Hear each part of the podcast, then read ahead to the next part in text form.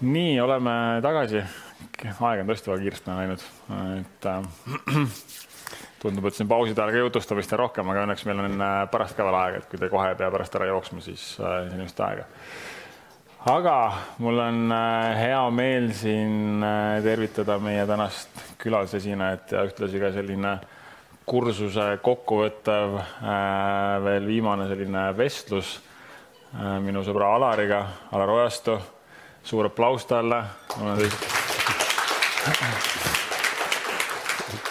Ja, ja minu jaoks äh, on see kuidagi hästi tähtis, sellepärast et, äh, et kui ma alustasin oma ettevõtlusteekonda, siis äh, see oli vist kas kaks tuhat kümme või üksteist või mingi, kas sa tegid Tallinna mingi kultuuri, mingi teenindusprojekt oli vist.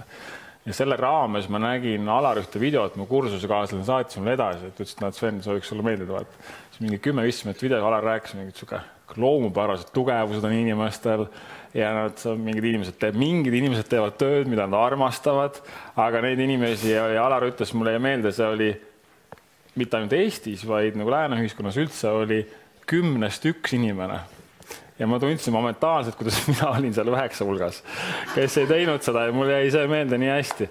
see video mind nii kõnetas, sellepärast et Alar oli esimene inimene, et noh, sa oled lugenud küll kuskilt Tony Robbinsid ja Tim Ferriseid on ju, aga noh, nagu keegi siin ka räägib sellest, et äh, nemad juba tegid nagunii seda, mida armastasid, on ju, aga nüüd Alar esimene inimene, kes tutvustas mulle seda, et vau, töö võib olla ka midagi sihuke, mis tõesti on niisugune nagu äh, mis sobib sinu, sinu loomast omastega, sest noh, mul oli, mul on, oli olnud ülemusi, on ju, ja töökohti aga noh, need kogemused olid kaugel sellest nagu, et äh, ja kuidagi sinu see aga mida see nagu õpetab, kuidas, kuidas nagu see ettevõtete nagu kultuur ja see suhtumine töötajatesse ja see töötajate tunnustamine, et kuidas see kliendi teenindaja suhtumine klienti ei alga mitte sellest teenindajast, vaid sellest juhist, on ju. ja kuidas niisugune erakordse teeninduse loomine, erakordsete nagu kogemuste, elamuste loomine ja kuidas see paneb soovitama teisi ettevõtteid ja kogu nagu see osa mind hästi-hästi palju äh, kõnetas ja sellest ajast saadik ma olen Alarit jälginud, tema koolitustel osalenud, äh, soovitan äh, teile kõigile tema raamatut lugenud ja läheb teile ka lugemisnimekirja kindlasti, et, et, et siin ta räägib neist asjadest kõikidest lähemalt ka.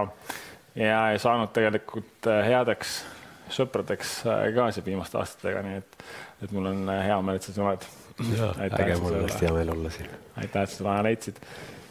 ja meil on ka üks sünnipäevalaps siin täna, selgus Saaremaalt.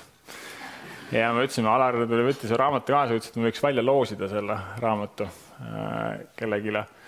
aga info jõudis minuni ja et meil on üks sünnipäevalaps ja see raamat läheb Helmile sünnipäevaks. palju õnne sulle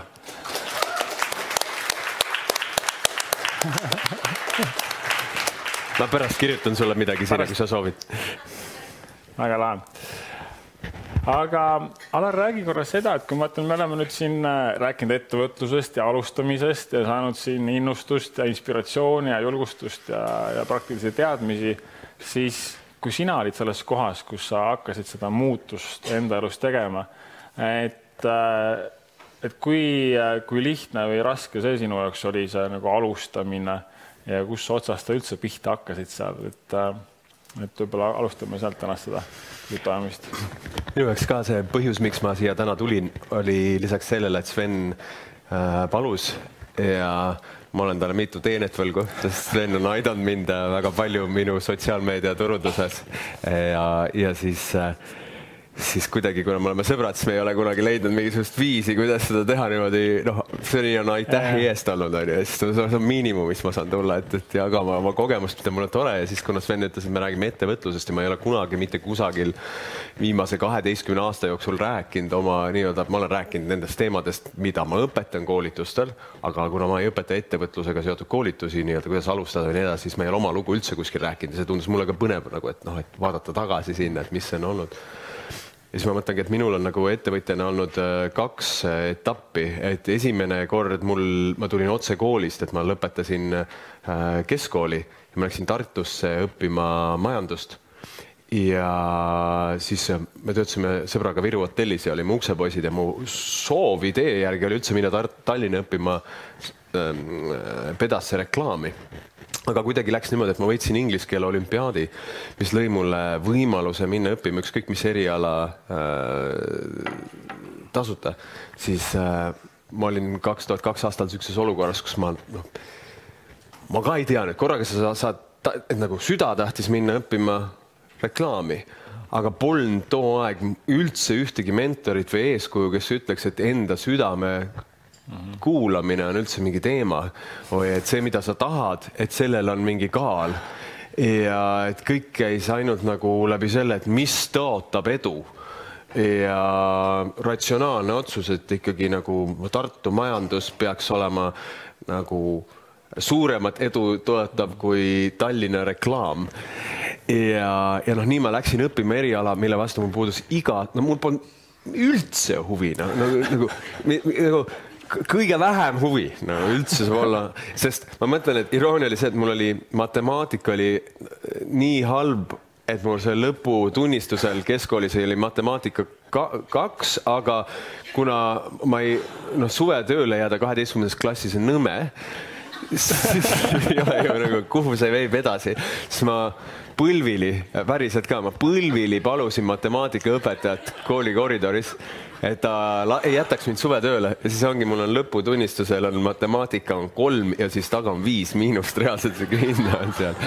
muide, mul oli niimoodi, et ma käisin ametikoolis, aga noh, matega mul samamoodi kogu aeg oli mingi struggle ja kuna mul oli kogu aeg mate olnud nagu äh, kaks, esimene kursus, teine kursus ja kolmandal kursusel, siis ma võtsin lisatunde ja ma sain äh, kolme ja siis selle pingutuse eest, et minust oli kahe poiss saanud kolme poiss, ma sain eksamit vabastuse. said vabastuse aga see on naljakas, sa ütlesid mate praegu, ainsad, kus ma, sõbrad mul veel on kasutanud sõna mate on Saaremaalt, nii et ma arvan, see on mingi saare väljend, et äh, tead, keegi mandrit ütleks mate. sa kuidagi ütled selle veel mingi aktsendiga ka, mis on sihuke äge, sul see saare aktsent. no ja siis iroonia selle matega oli siis see, et siis kolm kuud hiljem, kui ma siis olin seal Tartus, esimene september, siis oli esimene aine oli kõrgem matemaatika kohe, eks ju. noh, no see on nagu karistus selle eest, kui sa teed valesid otsuseid.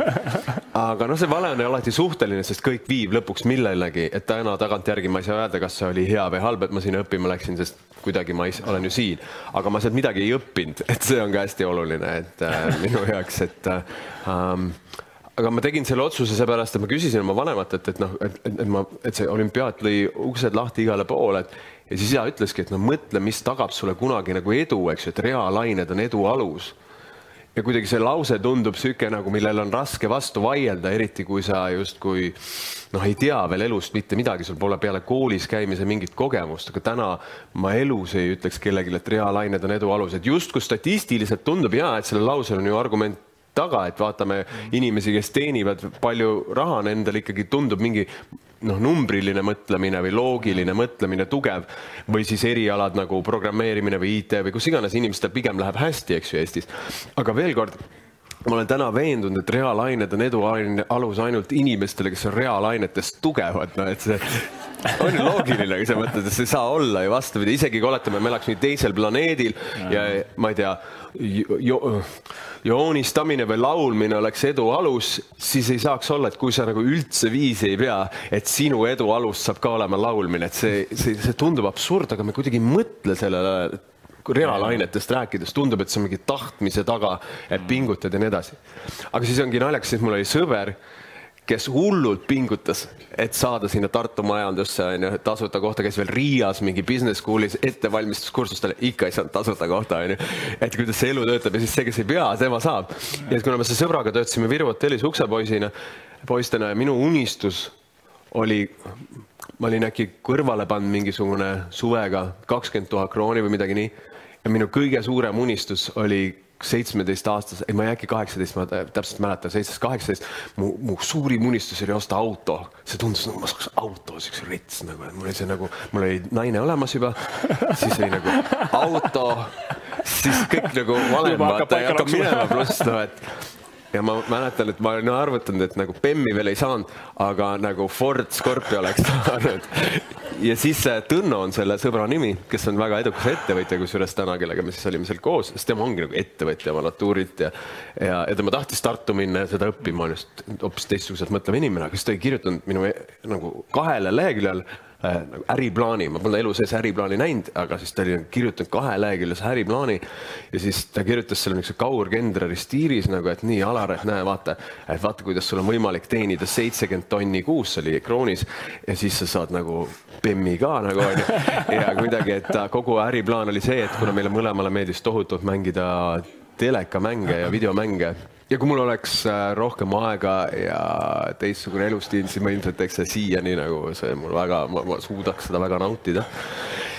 ja, ja siis äh, ta arvutaski, et kuna Tallinnas see aeg oli hästi populaarne, mõned teist, ma ei tea, kui vanad te siin olete, aga Coca-Cola Plaza all, osad ikka mäletavad, oli, oligi nagu, kus praegu seal need naiste WC uks. sina noogutad, ma ei tea, kas käisid seal oli nagu hästi suur arvutimängude ruum, mingi viiskümmend arvutit oli seal ja need, kuna see kaks tuhat kaks aastal ei olnud väga paljudel inimestel kodus veel arvutit või noh, aga mängida on alati inimestel meeldinud. siis Tõnno äriplaan oligi see, et ostame viis arvutit ja äh,, ei, viis telekat kuskilt kasutatud, ostame viis kasutatud Xbox'i, noh, siis oli mingi noh, varasem Xbox versioon on ju, võtame mingi vanamuti tööle, tal oli siin niimoodi kirjutatud sinna.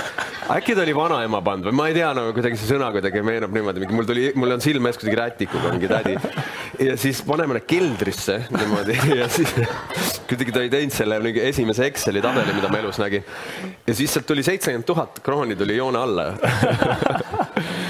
ja siis see tundus nii realistlik, noh, et nagu lihtne on ju, müüd seda mänguaega on ju ja viis ja kuidagi siis äh, kohe esimesel üks aine oli esimesel kursusel oli äriplaani kirjutamine. Ja siis me noh see tundus nii loomulik, millest sa siis kirjutad, kui sa nagunii tahad seda teha.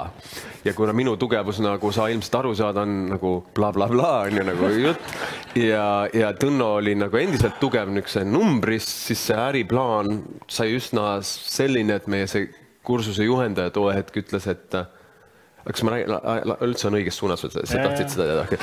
et see kursuse juhendaja nagu ütles, kuulge, aga see on nii hea mõte, et äkki te küsite EAS-ilt äh, stardiabi ja siis me läksime, miks sa naerad? Siis me läksime EAS-i sellega ja EAS ütleski, et siis oli too aeg oli sada tuhat krooni oli äh, see stardiabi, miks keegi ei tea, mis ta täna on? see no alustaja eurot, äh, kakskümmend viis tuhat eurot siis nagu jah, aga võib-olla on ka suhteline, noh, kakskümmend viis tuhat eurot tundub nagu suurem kui sada tuhat, aga see hetk see tundus ülisuur raha, eks ju, kaks tuhat kaks, see sada tuhat.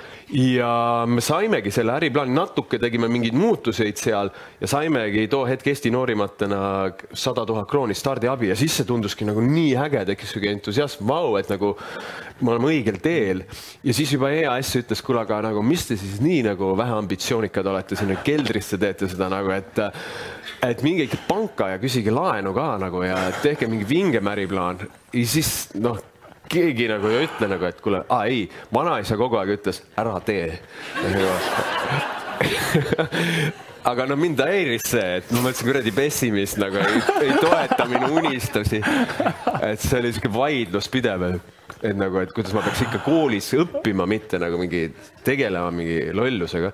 ja siis äh,, siis me kirjutasime äriplaani ümber ja siis sellest esialgsest plaanist, kus oligi see viis arvut-, telekat, viis Xbox'i ja see tädi, ma sõna muutuses vahepeal, sai siis äh, Rüütli tänaval seal pea, tänaval mm, koht, kus oli kakskümmend viis arvutit, kõik uued nagu roolidega need auto mingi asjad sinna.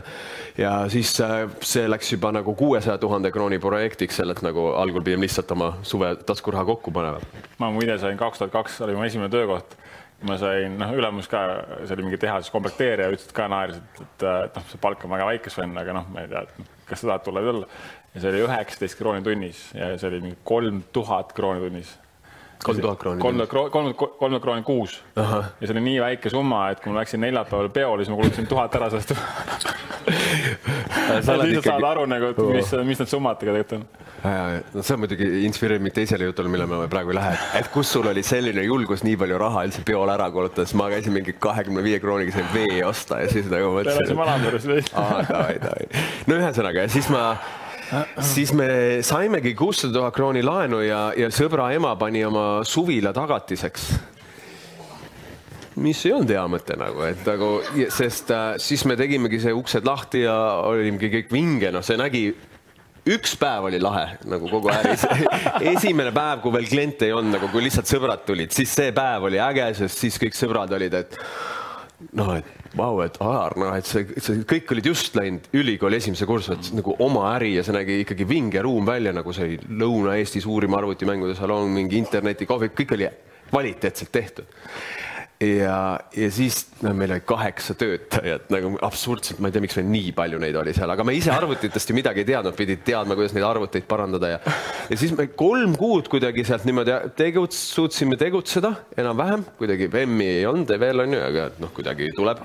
ja siis äh, me olime võtnud tööle niisugused kaks hästi niisugune sooja tüüpi, kes kuigi tänavalt jalutasid sisse, ütlesid, neid ka väga mängud huvitavad ja arvuteid tunnevad ja kuidagi hästi toredad olid nagu. ja me suhtlesime nendega kuu aega, nad töötasidki meil seal ja siis äh, siis üks hommikul me lähme Tõnnoga nagu koolist lähme siis vaatama, meil vist üksteist avati või midagi sellist nagu sinna koha peale, et mis toimub. ja siis oli ukse taga oli järjekord lapsi, noh, lapsed olid meie põhikliendid, nad mängisid seal. ja siis äh, mõtlesime, et oota huvitav, miks sul siin ukse taga on, siis vaatame uksed kinni, et töötajaid pole, kes see päev peaks tööl olema ja äkki nad on haigeks jäänud või midagi. ja siis äh, helistame, onju, et kus te olete, vastu ei võta ja siis ma hakkan neid arvuteid sisse lülitama ja Tõnno läheb siis kassasse, et hakata seda noh, raha võtma ja süsteem, noh, mis seal oli. ja siis ta küsib mult, Alar, et kus see kassa on? siis ma ütlen nagu, et noh, kassa on ju sahtlis, nagu kus see ikka on nagu. ei ole sahtlis kassat. ja siis, siis nagu hakkas veidike ja no siis esialgu aju ilustab, mõtleb, et äkki üks nendest töötajatest tundis kuidagi, et ta peab selle kassa võtma koju. Mingil põhjusel kaasa, et hoida meid kuidagi millegi paha eest. aga noh, see on see nagu, mida aju proovib sul, tegelikult sa saad aru juba, et nüüd on midagi veidrat ja siis need kaks tüüpi ei ilmunud kunagi välja, aga miks see lugu on oluline murdepunkt, seepärast et äh, me olime alles kolmes algu, alustav kuu ja ei läinud kohe nii hästi, kui me planeerisime. ja see, me olime laisaks muutunud, et me ei viinud iga kuu, algul me viisime iga päev kõik raha panka ja siis viisime lõpuks mingi kord nädalas ja kuni siis läks kord kahe nädala jooksul ja siis. kui, kui suur see käive oli nende kuude peale siis või kuu keskmine? see oli see hetk, ma mäletan, see oli siis kolmas kuu ja meil oli kassas oli äkki kokku oli äh, kuu lõpule lähedal aeg oli kuuskümmend viis tuhat krooni millegi umbes selline summa. nagu just nagu seitsmekümnendal, aga noh, sealt vaata olid kõik kulud vaja maksta, need liisingud, palgad ja, ja nii edasi. see oli suurem muidugi ka juba investeering kui esialgne. just ja investeering läinud oluliselt suuremaks. ja siis no siis tüübid kadusid lihtsalt ära, mis meie jaoks tähendas üleöö seda olukorda, et meil oli nüüd järgmise nädala jooksul vaja ära maksta kõigi alles jäänud töötajate palk, mida meil enam ei olnud äh,, pangalaen, mida enam polnud äh,, kommunaalid, mida enam polnud, et nagu raha, turundus ja kõik, millekski enam raha ei olnud. ja siis hakkas elu hästi halvaks minema nagu, sest äh, noh, hiljem, kümme aastat hiljem ma sain teada, et nad sõitsid Ibizale selle raha eest ja me nüüd Sveniga käime võitluskunsti trennis ja ma vahepeal mõtlen, et huvitav, kui ma ühte neist näeks, kas ma harjutaks midagi. aga, aga siis see viskas nagu elu nii keerulisse olukorda, sellepärast et noh, meil ei jäänud, et, et üldse kuidagi, kuna nii suur auk tekkis kohe alguses, siis ei olnud raha, et ähm, maksta enam töötajatele ja siis pangalaenu pidi igal juhul ära maksma, sest sõbra ema suvilat ei saa ära võtta, onju, aga kõik muu, mis oli, seal tekkis kohe nagu miinus ja siis ei ole enam, kuna nii äri alguses pole turundusraha, et, et uusi kliente saada ja siis oled nagu surnud ringis, klientide jaoks raha ei ole. ja siis hakkas, ma arvan, minu päris areng pihta, ehk siis elu surus mind tegelikult nagu arengu niisugusesse inkubaatorisse läbi selle, et kuidas sa siis lahendad olukorra, kus sa arvutitega ise midagi teha ei oska, raha sul töötajatel maksta ei ole, kuidas sa siis käituma pead, noh, mingi raha sa saad, aga sa ei saa seda maksta, mis on kokku lepitud. ja siis elu sundis mind hakata lugema lugema raamatuid juhtimisest, inimeste motiveerimisest, enda motiveerimisest, et üldse selles olukorras kuidagi hoida nagu pead vee peal. ja, ja noh, siis me leidsime mingisugused bandiidid endale investoriks, kes natuke aega nagu päästsid meid. see esimene investori kohtumine niisugune, et sihuke Ida-Virumaalt üks niisugune Eduard tuli oma Toyota mingi Land Cruiseriga sinna meile sinna Tartu ja siis astus niimoodi natuke noh, lonkam mees, astus oma sellest džiibist välja, kuna ta oli pisike mees ka, siis ta pidi nagu pikalt astuma nii. ja siis tal nagu kukkus nagu ma ei tea, mitte see, kus kuulid käivad niimoodi ükshaaval, vaid nagu mis siin päästikusse käib relv kukkus kukkus niimoodi maha ja siis ta veel naeris nagu, võib-olla olete näinud vahel vene inimestel nagu huvitav nali tõstis selle nagu, siis ma mõtlesin, okei okay,, et nagu raha on vaja kuidagi, et nagu suvila äravõtmine on jube lähedal. ja no siis me kolm aastat nagu, kaks pool aastat, no ülikool jäi pooleli, siis me ei jõudnud käia, lõpuks me töötasime ise kõik need ajad seal. pruudist jäin ka ilma nagu ühesõnaga. Bemmi ei saanud, Fordi ei saanud, perses täiesti nagu. ja, ja ikkagi ja mul oli ikkagi taustal et kui, kui seni, kuni Tõnno selle paberi mulle lauale pani, et siin on seitsekümmend tuhat, minu plaan oli naine on, auto on ja ma olin räppar onju, et ma, ma tegin räppmuusikat, must pidi räppar saama, aga siis ma läksin nagu nii, nii palju sõi elu rõõmu ära selle äriprobleemidega tegelemine, et äh, mulle ka muusika ja loomingulisus jäi täiesti seisma. ja ma, siis me kuidagi tulime, kakskümmend üks olin, siis me tulime Tallinna ja siis ma olin nagu ikka mõnda aega kibestunud, me taustal proovisime teha mingi niisugust nagu võrkturundusfirmadele mõeldud mingit, äh, kuna ma lugesin hästi palju raamatuid, ma kogu õppelaenu eest ostsin too hetk raamatuid Amazonist ja nii edasi. ja ma nägin too aeg üldsegi info, mis täna on igalt poolt kättesaadav.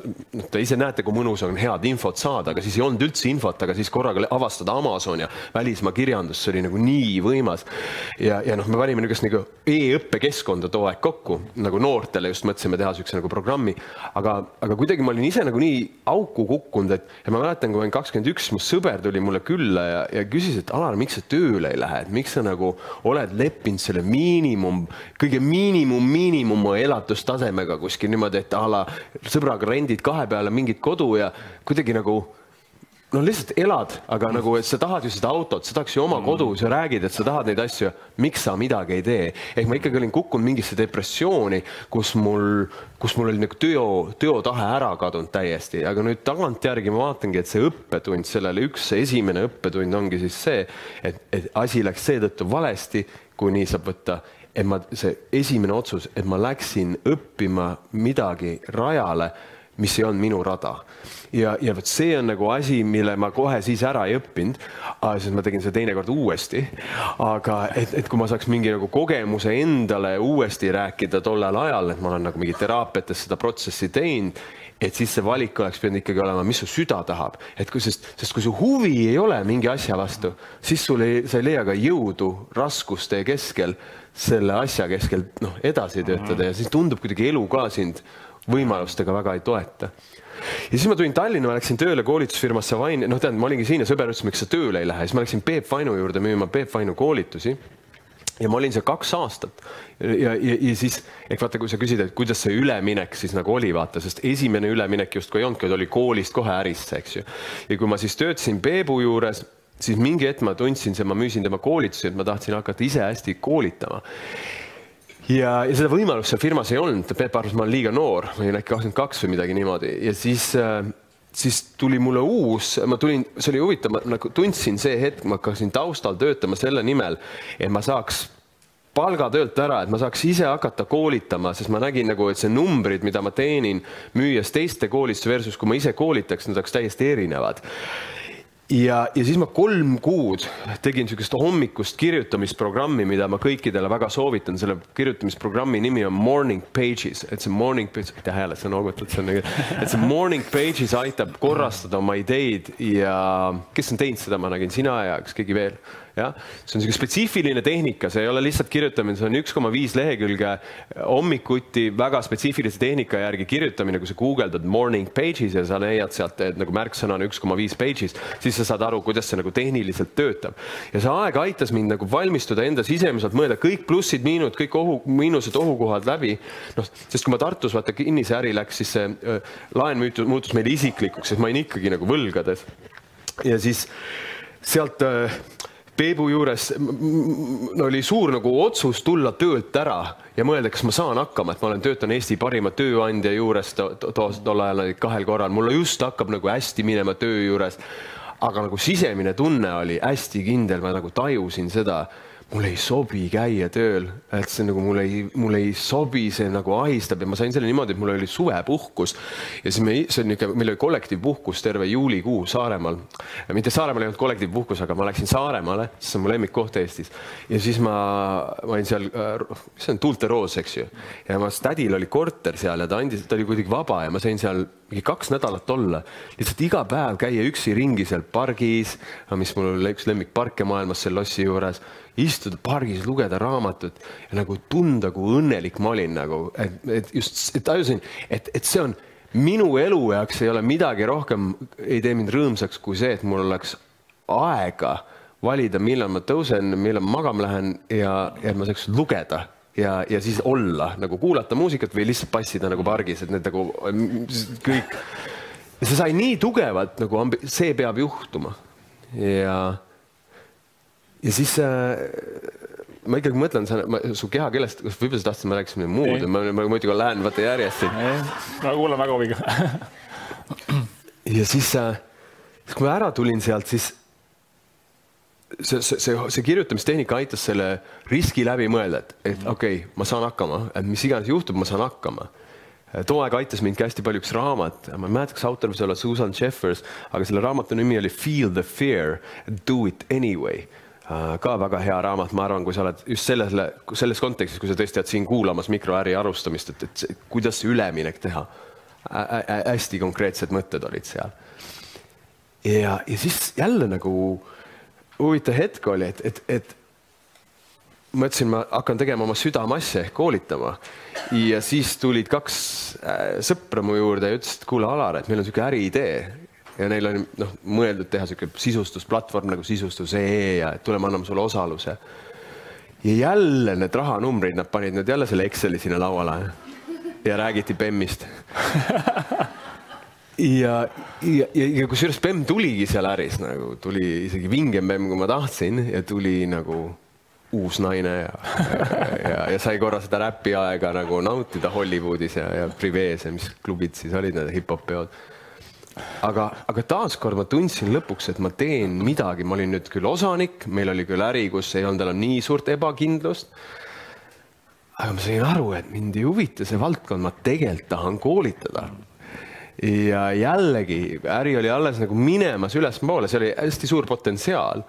aga käisin mingisugune, ma olin aasta seal olnud sees, käisin reisil, käisin Camino Santiago juhtimisteekonnal, kui ei tea, kui palju, mitte juhtimis, Camino Santiago palverändurite teekond on Põhja-Hispaanias äh, ja käisin sellest läbi koos äh, koolitaja Aira Tammemäega viimased kolmsada kilomeetrit. ja siis see aeg, kus sa kõnnid, ma ei mäleta, kas see oli kaksteist päeva või midagi, et kõnnid päevas kolmkümmend kilomeetrit või nelikümmend kilomeetrit, hästi palju kõnnid, kõnnid üksi ja üksi kõndides ikka hakkad omaette rääkima ja kõnelema, eks sama tehnika, mis selle kirjutamisega, aga siis nagu rääkimisega. ja, ja, ja siis, siis jõuad jälle sinna, Alar, sa ei käi oma rada, mis, mis rajal sa jälle oled. ja siis see, siis see sõnum, et sa tahad minna ju tegelikult Austraaliasse, sa tahad minna tegelikult Austraaliasse, davai, ma tahan minna tegelikult Austraaliasse. ja siis ma tulin tagasi ja ütlesin äripartnerile, ma tahan tegelikult minna Austraaliasse, ma tegelikult tahan üldse koolitada, ma, ma, ma, ja siis ma palusid veel, et ma oleks pool aastat või mingi aja sain hästi head boonused, sain sealt raha. ja, ja siis müüsin oma osaluse peale poolteist aastat seal sees olemist, mis tekitas mulle niisuguse puhvri, et mul oli kuskil mingi kuussada tuhat krooni, korra oli niisugune nagu raha ja tundus sellest ma sain ära makstud selle esimese võla, mis oli kuskil kakssada viiskümmend tuhat, mis mul oli alles sealt Tartust. ja siis tundus, ma olen kakskümmend neli, et ma saan minna nüüd äh, Austraaliasse äh,. mul on reisida kaks aastat, tead nagu võib-olla hakata koolitusi seal tegema ja siis ennem Austraaliasse sõitu pöördus minu juurde siis üks Uusmaa kinnisvaramaakler, kes ütles, et Alar, et ma kuulsin, sul on raha. ja siis lugu lõppes sellega, et nagu ma ostsin läksin uuesti pangalaenu võtma seekord pani mu sõber tagatiseks üks teine sõber oma kodu, kus ta elas oma perega. ja seekord ma võtsin miljoni laenu ja et osta Bulgaariasse kinnisvara ja sõitsin nagu ja maksin oma raha ka sinna kõik ära. enne buumiaega vist on? see oli buumiaeg, buumiaja lõpp nagu mm. -hmm. ja siis äh, sõitsin Austraaliasse, jätsin natuke raha, raha endale, et nagu seal reisida, aga, kuna see laenu intress oli kuusteist tuhat krooni kuus, siis noh, alles jäänud raha läks nagu hästi kiiresti, pluss elamine oli seal kallis mm ja siis äh, kolm kuud Austraalias olles helistas siis mulle see maakler ja ütles Alar, sa pead tooma kohe Eestisse tagasi, et, et mul on tunne, et me ei suuda su kinnisvara ise ära müüa, sest see oli see, mida nad lubasid. masu hakkas ja siis ma tulin paaniliselt Eestisse tagasi, olin kakskümmend neli, mul ei olnud ühtegi sõpra ega tuttavat, kellel müüa Bulgaarias kinnisvara ja vanematele ma ei julgenud midagi rääkida, et ma niisuguses olukorras olen ja selle sõbrale ka, kes oma kodu tagatiseks pani, siis ma ikkagi mõtlesin, äkki ma mingi ime kaudu leian ostjad sinna Bulgaariasse. Ja siis äh, kakskümmend kolm august, äh, kui ma olin just saanud paar päeva ennem seda, mõned päevad ennem seda, kakskümmend viis helistas maakler uuesti, ütles, et Alar, et ma ei tea, kuidas sulle seda öelda, aga et nüüd on olukord selline, kus see Bulgaaria arendaja kuulutas välja pankroti mis tähendas minu jaoks siis äh, nagu üleöö hetke, kus mul olid korterid, mida müüa, et seda laenu maksta enam ei olnud, aga laen oli ja laen tuli aasta jooksul tagasi maksta pangal, see oli isegi bullet laen või näiteks sõbra kodu ära. ja siis ma kuk-, no siis, siis, siis, siis ma kukkusin ikka väga tugevasse musta auku enda sees, sest see ebaõiglus tundus nii suur, sest kõik oli nagu läinud halvasti alates sellest, kui ma keskkooli lõpetasin, et korra olid nagu suured plaanid ja siis nagu esimene äri nagu, nagu täitsa teistmoodi nagu. Ja, ja, ja kaotad nagu enda, kaotad oma suhte, kaotad oma positiivse ja sa õpp, saad küll õppetunde, aga see hetk, kui sa vaatad teisi oma sõpru, kellel kõik rendivad autod või liisivad autod või, või bemmid ja, ja, ja, ja, ja, ja need kodud ja siis sa ise lähed oma vanemate juurde tagasi elama. isa ei olnud üldse rahul sellega, sihuke läbisaamine halb. uus pruut on tekkinud, ta ka ei olnud rahul sellega nagu sest ma korra olin ju see Bemmi vend, vaata, kui ma temaga tuttavaks sain, aga siis ma pidin see Bemmi ja kõigest loobuma, vaata. Ja, ja, ja siis oled sihuke enda peas täiesti läbi kukkunu, et tahaks reisida kusagile, aga ei saa, midagi ei saa, kõik käib mingi laenu ümber ja sul on mingi perspektiivitu miljon lihtsalt ja, ja, ja sul pole aimdust, kus sa selle leiad. et see algus oli hästi raske. Ja, ja, ja ma siiamaani tegelen äh, mingis teraapias nende teemadega, et, et ikkagi need äh, ettevõtluse alustamise siuksed möödaminekud on kindlasti tekitanud niisugust riskidesse, me praegu oleme nüüd niisuguses olukorras, Elinaga, kus me siis plaanime nüüd ma, mul on kõik need varasemad laenud juba ammu, ammu makstud, aga, aga vahepeal ma olen elanud pikalt ilma laenudeta üldse. ja, ja, ja nüüd on nagu hetk, kus me hakkame vana, sa tead, nagu vana maja renoveerima ja siis on niisugune, no niisugune võib-olla niisugune poole miljonine pangalaen.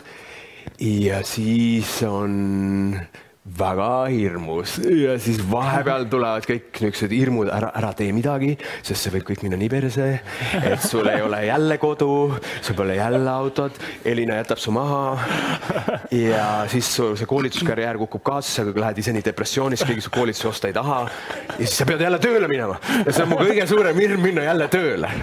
sest siis, kui ma vahepeal vaata olingi nagu olnud, siis vaata töötasin Peebu juures, tulin ära, sain selle oma ettevõtte ja siis mõnda aega aega nagu, kui ma siis tulin seal Bulgaaria laenu, proovisin maksta, tegin mingi õhtujuhtimisi ja kuidagi müüsin ennast nagu õhtujuhina, siis ikkagi see oli kõige raskem koht oli, kus, äh, kus ma nagu olin saanud selle ettevõtluse pisiku, ma olin nagu paar aastat, kolm aastat nagu või niimoodi kuidagi ise navigeerinud.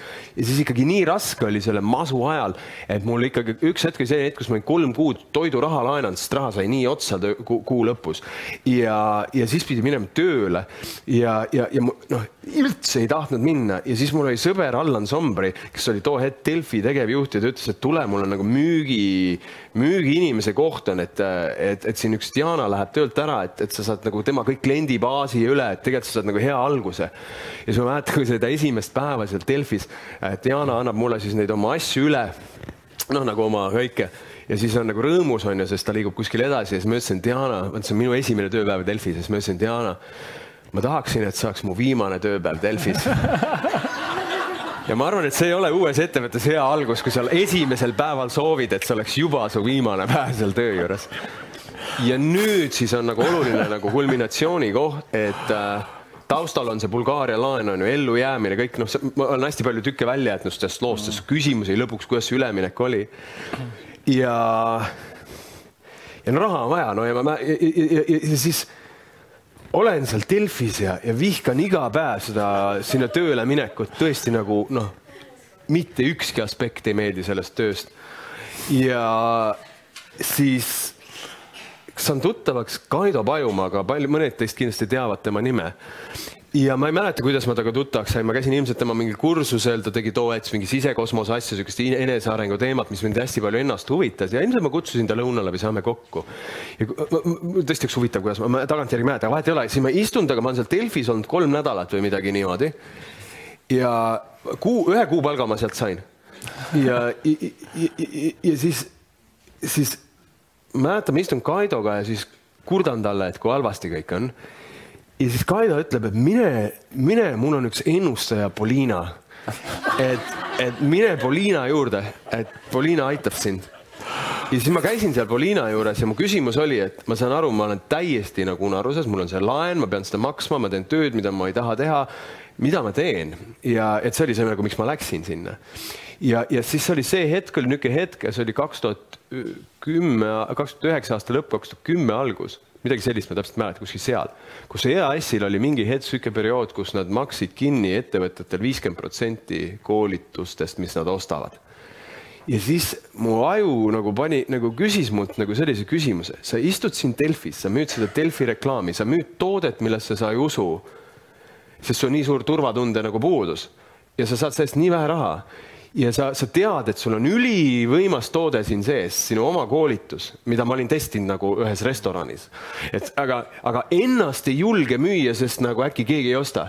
ja samas sa müüd mingisuguse mõttetu palga eest mingisugust noh, reklaami, mida sa ei usu, et seda müüd millesse sa ei usu. Ja ennast, millesse sa ei usud, ei müü, mis värk siin on, eriti kui see toode on koolitus, mille veel kliendile maksab riik poole kinni. Nagu Alar, võta kokku, aga hirm oli nii suur ja, ja sest nii palju oli nagu haiget saamist, siis ma läksin selle Poliina juurde. Ja siis Poliina pani mulle tarokaardid. ja siis ta ütles, et kurat, palju raha siit ei saa aga rohkem saad kui Delfis. ja kuna ta seal pani mingid kaardid veel, et sul on brünett naine ja igasugused asjad, mis nagu olid nagu jumala nagu, nagu oli, siis mõtlesin, et, et äkki nagu, äkki tasub riskida. nii et ma mäletan, et siis ma läksin äh, koju helistasin Alar Tammingule, äh, kes on minu üks hea, hea niisugune tuttav sõber, äh, väga jõukas inimene Eestis ja ütlesin Alar, et äh, kas sa oled mulle nõus laenama äh,. ma arvan, ma küsisin talt, kaks tuhat kümme ju oli veel kroon, eks ju. ma küsisin talt. ma arvan, kakskümmend viis tuhat kuni kolmkümmend tuhat krooni, niisugune ühe kuu, kahe kuu ilmselt see hetk ma ütlesin ja et see on kahe kuu niisugune miinimum äraelamise raha, et ma elan täis miinimumis.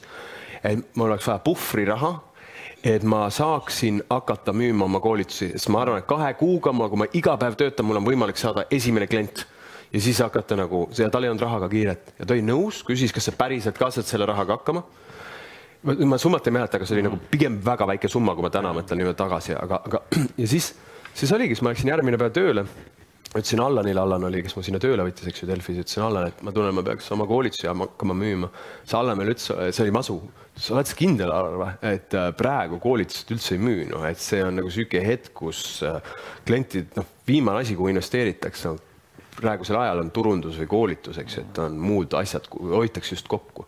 aga see hetk oli jälle niisugune, ma ei, ma pean tegema seda, et ma olen küm-, see hetk, kui ma olin lükanud kaheksateist, siis ma olin nagu põhimõtteliselt kümme aastat lükanud edasi selle tegemist, mida ma tahaks teha, mida ma armastaks teha, et saada see bemm või saada see nagu turvalisus või saada ettevõtjaks või saada ennem see raha ja siis hakata. ja kõik katsed olid ebaõnnestunud, absoluutselt kõik. ja, ja, ja siis ma ütlesin, Allan, ma pean minema, eks ju, võtsin selle lantsi lahkumise avalduse ja, ja siis läksin koju, võtsin kõik oma senised teadmised, mis ma olin müügist saanud äh,, siin ühe päeva või kaks päeva kirjutasin nagu maailma parima müügijutu, mida ma oskasin kirjutada.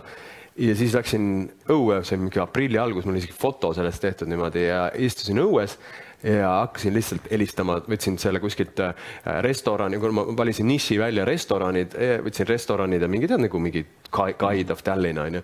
ja siis hakkasin järjest lihtsalt helistama restoranidele, leppima kohtumisi ja, ja, ja kuna see EAS-i võimalus, ütlesin, et klient, et see riik maksab praegu veel viiskümmend protsenti kinni sellest ja siis hakkas kohe minema hästi, et siis läks nagu paar kuud, nii nagu mul oligi vaja, tekkisid nagu need esimesed kliendid ja siis noh, praeguseni ma nüüd koolitan et see on see üleminekud nagu see. väga võimas story. kas, kui sa nüüd hakkasid koolitama, kuidas sul, sa rääkisid ka seda, et sa julgenud teha seda enda asja, sa samas nagu uskusid sellesse onju -hmm,. uskusin nagu sellesse oma asja, aga ma ei teadnud, kas teised usuks sellesse asja mm. -hmm aga samas sa olid juba mingit tagasisidet nagu saanud juba mm. -hmm. ühe koolituse olin teinud. ühe koolituse olid teinud, jah? sest ennem seda, kui ma Delfisse läksin, siis ma töötasin ühes restoranis, mis oli nagu pankroti ääres, oli Imre Kose, niisugune lahe restoran kunagi Vertigo. aga siis äh, kuna seal ma saingi, ma kirjutan siin raamatus ka sellest nagu, et siis ma saingi aru, et inimestel on teenindus väga oluline ja ma sain aru, et teenindus ei ole klientide jaoks peaaegu kunagi see, kas ma oskan veini valada õige nurga alt või kas ma oskan ma ei tea, kahvlit õigesti panna lauale, vaid teenindus on see nagu sõbralikkus ja soojus. Ja, ja siis ma tegingi nende töötajatele too hetk niisuguse koolituse, ma sain aru, et see sõbralikkus meie sees ei ole alati väga lihtsalt kättesaadav, kui meil on endal halb tuju. Ja kuna ma nende laenud ja selle kõige tõttu olin nii palju pidanud õppima, kuidas enda tuju reguleerida, et mitte jääda kuskile no, elu heidikuks, siis ma rääkisin nagu, et enne teenindust on enda teenindus ja noh, ma nägin, kui võimsalt see inimestele mõjus. ja sealt ma sain selle nagu tunde, et oota, tegelikult see inimestele nagu me, on tähtis see asi, et see, see oli mul mm, -hmm. ma lihtsalt täpsustasin. aga. aga mis sa tahtsid küsida, vaata. ma tahtsin küsida selle osas, et, et kui ma, ma alustasin, siis hästi raske oli kuidagi nagu, kui palju ma võin küsida selle näiteks koolituse eest, on ju, et kas sa siis tegid ka mingi väga soodsa hinnaga alguses või kuidas sa, kuidas sul see sisemine. mul oli niisugune nagu teema, ma, ma, ma nüüd tegelikult ei mäleta, kuidas ma hinnastasin mm, -hmm. kas ma võtsin kellegi nagu võrdluseks aluseks, aga ma kindlasti oli see olulu, olulu, olulu, olulu, olulu, oluliselt soodsam, kui mu koolitus on praegu. aga see ei olnud seepärast, et nagu alustada kuidagi hinnaga müüki mm. -hmm. ma ilmselt võtsin aluseks, mis ma mäletasin kunagi, et Peep Vainul võib-olla olid koolitused, aga, ja mis oli, mida ma teadsin turuhindadest, aga mul pigem oli peas nagu number too aeg, ma tahtsin neli, mul nagu see kaks tuhat kümme, mul oli, oli nagu arvutanud välja, et ma tahaksin kuus nelikümmend tuhat krooni ja see oli minu jaoks niisugune summa, kus ma arvustasin, et siis ma saaks need asjad, mida mul ei olnud olnud. et mul ei olnud olnud oma kodu mul ei olnud olnud nagu oma autot samal ajal, kui mul on ka kodu. mul nagu ei olnud olnud mingeid nagu baasasju, mida ma pidasin, mis mulle nii palju valu tekitasid, siis teistel oli. ja sinna neljakümne tuhande sisse mahtus ka nagu see, et ma ei tea, mis see krooni, euro, noh, tegelikult meil mõtet eurosse arvutada ümber, aga noh, see tundus see raha mm, -hmm. sest ma, kui ma Peep Vainu juures töötasin ja müüsin ta koolitusi, siis ma sain äkki mingi kümme tuhat krooni või mingi kaksteist tuhat viissada või midagi, see oli Soome, vähe. ma käisin Soomes samal ajal ja siis ma sain kolm, noh, Eesti rahast siis kolmkümmend tuhat krooni. just, aga see oli päris hea. see oli väga suur. Eestis oligi mingid võib-olla oligi see kümme tuhat äkki. noh, see oli, kümme tuhat oli ka veel tegelikult hea palk, ma mäletan minu arust mm -hmm.. isegi nagu see oli juba kõrge palk nagu.. just, ja siis, siis mulle tundus, et kui ma saaks koolitustega selle raha mm. -hmm. ja tegelikult ma mäletan, et mul oli veelgi olulisem, mäletan niisugust hetke äh.... võtan korra laadija, sa räägid. mis teed? räägi edasi, võtan laadija. mäletan niisugust hetke, et kui ma äkki olin ma esimesed koolitused müüsin niimoodi, et meil toimusid nad aprillis ja mais. ja siis juunis ja siis selle aprilli ja maiga ma teenisin nii palju, et kui mul seni oli, vaata, ma ütlesin, et ma laenasin söögiraha, eks ju. et kui mul jaanuaris põhimõtteliselt oli veel selline olukord, et ma olin, laenasin söögiraha, sest kolm kuud järjest olin söögiraha laenanud, siis jaanuar-veebruar, kui see oli see Delfi kuu märts kuskil midagi hakkasin müüma neid koolitusi ja siis aprill-mai mingid koolitused toimusid, siis ma mäletan, ma sain selle esimese kahe koolituskuuga nii palju raha enda jaoks, et mul jäi äh, terveks suveks tekkis niisugune puhver, et kui ma suvel midagi ei teinud, siis ma sain nagu hakkama. see tähendas, et nagu muidugi mu elustandard on alati nagu, eks ju, sultanina, aga ma sain selle, mida ma seal Saaremaal kogesin, et mul on ruum, mul on raamat ja mul on pargipink ja mul on nagu olemas nagu ma just tahtsin küsida, et mis tunne see oli nüüd, kui sa olid saanud siis paar kuud teha seda enda asja, millest sa oled nii kaua unistanud ja nii palju takistusi ja siis sa lõpuks said seda teha ja see on nagu päris sinu asi. et mis tunne see nagu oli sealt?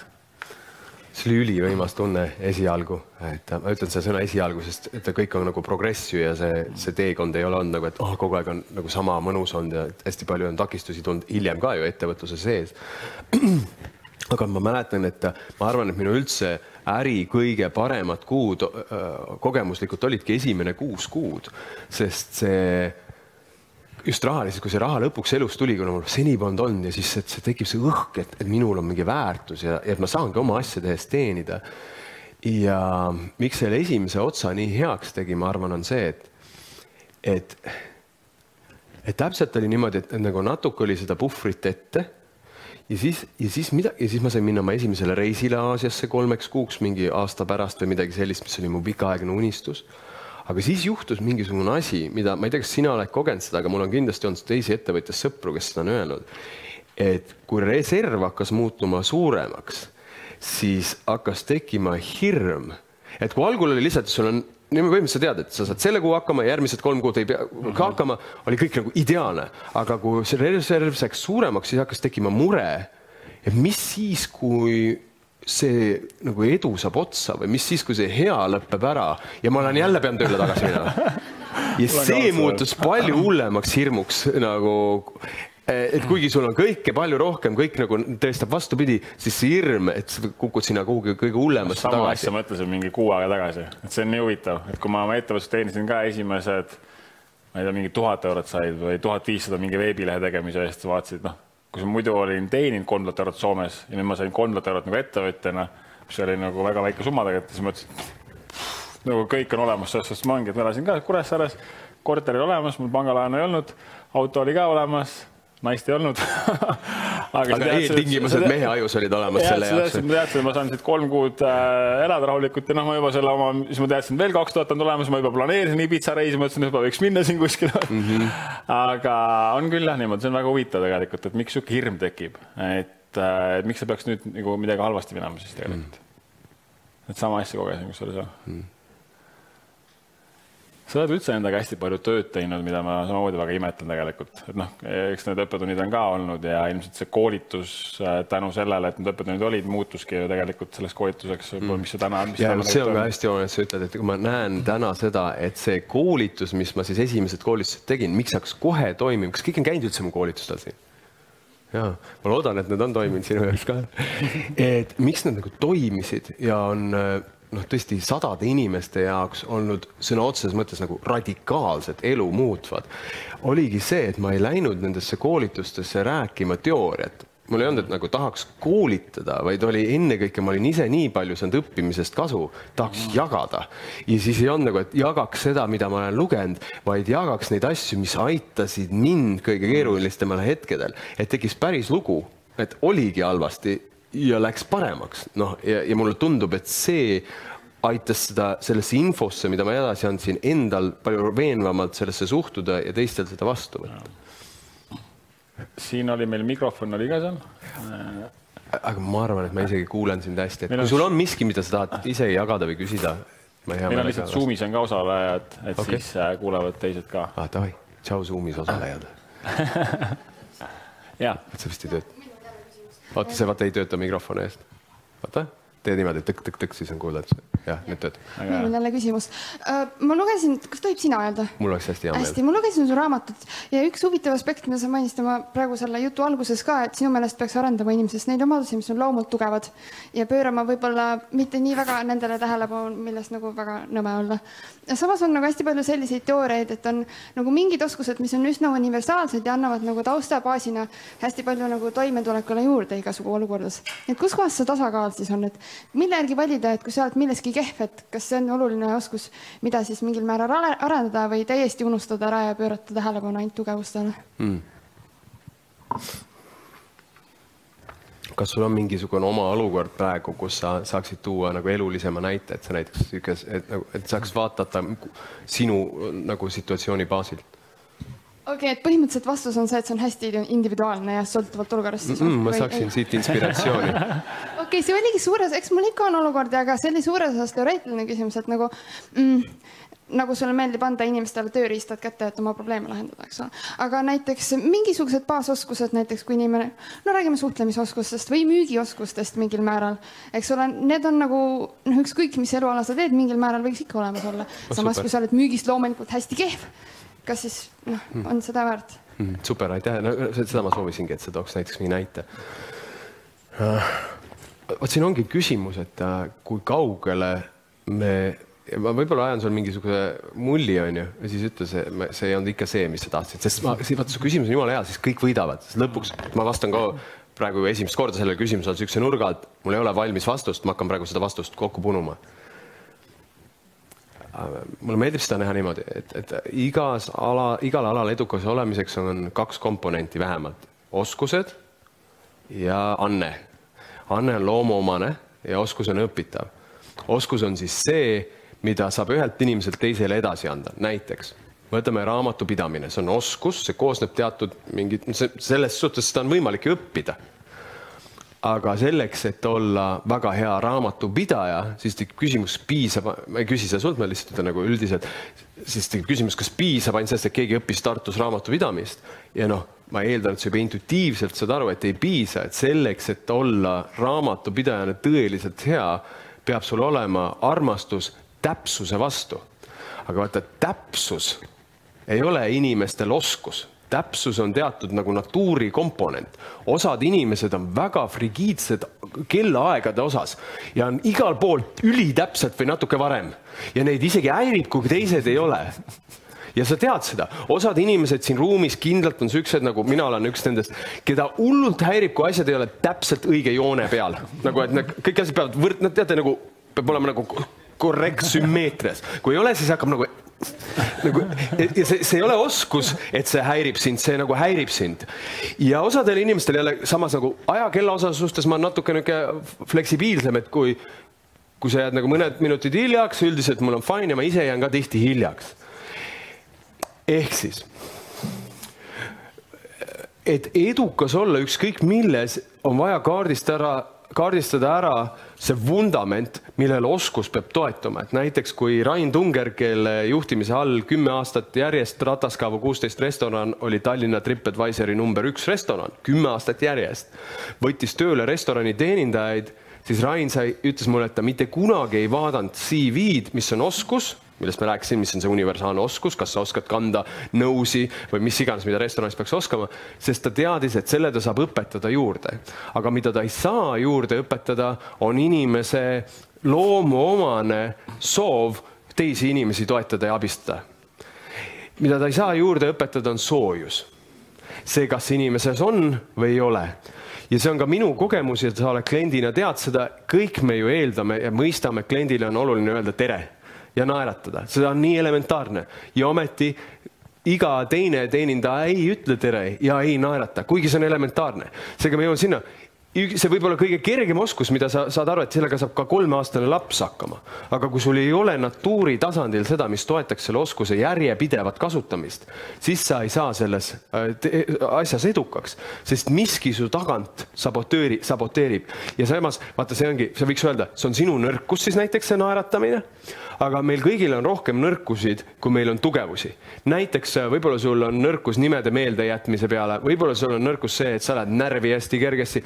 mõneti, keda see huvitab, et meil on nõrkusi väga palju, aga nõrkus muutub probleemiks sellel hetkel, kui ma satun töökohale või mingi tegevuse peale, kus edu selles rollis sõltub sellest, sellest, milles mina nõrk olen see hetk muutub nõrkusprobleemiks, kus edu rollis sõltub millestki muust kui see, mis minul olemas on. ja siit tulebki nüüd see välja, et, et, et et mingid universaalsed oskused, noh, ma ei tea, tõepoolest on, mõtlen, proovime mõelda siis, mis müügis on universaalne oskus on äh, mida, mida võib õppida, on ju, et kuidas ma tegelen vastuväidetega, sest sa tõid selle müügi, et mida siis öelda ja nii edasi õppida saab nagu teatud maani, aga siis tekib sihuke, kui ma töötasin Peep Vainu juures müügiinimesena, ma lugesin hullult müügiraamatuid, ma õppisin tohutult palju müüki. ah, ma toon, toon hoopis ühe loo. ma töötasin äh, kaks tuhat kümme, üks minu esimesi kliente oli Vapiano ja ma õpetasin tüdruk, noh, seal tüdrukutele, ainult seepärast tüdrukutele, et enamik Vapiano klienditeenindajad olid naised. ja ma õpetasin neile head teenindust oskust, ma ei teadnud siis veel tugevust oskuste teemat, ma arvasin, et see on oskus ja et oskus on olla sõbralik ja naerata.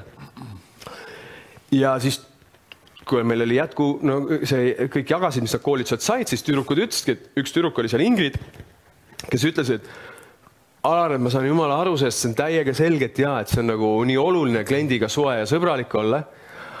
aga ma saan naeratada ainult naisklientidele ja siis ma mõtlesin, mis asja, siis ta ütles, et vaata, sest kui ma hakkan meesklientidele naeratama, siis nad arvavad, ma löön neile külge ja siis nad hakkavad mul telefoninumbrit küsima.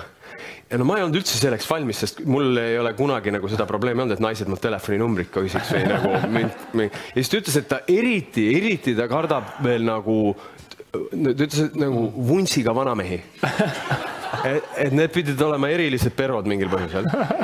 ja, ja siis, siis ma sain aru, et ma jäin nagu hätta, et ma ei oska nagu, mul puudus vastuargument ja siis, kuna see oli kahepäevane koolitus ja mul oli teise päevani natuke aega ja vahepeal oli Hella hundi inimestega koolitus ja Hell hunt on üks publi, ma ei tea, kas ta täna on Tallinna vanalinnas, aga seal pubis käib vaata teistsugune seltskond, öö ja nii edasi, inimesed nagunii on purjus ja fileerivad ja nii edasi. ja siis ma olin niisugust kogenud baaridaamidega ja küsisin neilt, et kuule, et äh, kas see, kuidas ma pean käituma, kuidas ma neid tüdrukuid, noori õpetan, et kuidas siis tulla nende vuntsiga vanameestega toime, eks ju.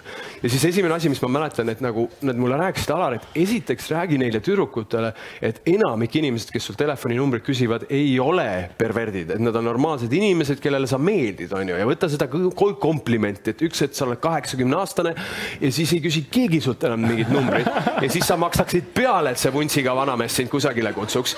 nagu, et, et kõik on nagu ajateljel suhteline, eks ju. ehk, et ja kuna see on su klient, siis sa ei saa talle tekitada mingi öö mingit nagu rõvedat nägu, et ju, et see, see hea teenindustase peab säilima. siis nad ütlesidki, et, et alati nagu võta seda, et see on kompliment esiteks, et see ei ole pervo, et nagu ja ole tänulik, et ta sulle üldse midagi tegi, pakkus ja siis nagu alati näitad, vau, et nii tore, et sa niimoodi mõtled, et mul on nii hea meel, et see on hästi armas ja, ja nagu kiida teda selle eest, et ta sind nagu välja kutsus ja noh, näiteks kinno või kusagile ja siis ütle sinna, vaat ma räägin, see on nagu oskus praegu, mida ma kirjeldan.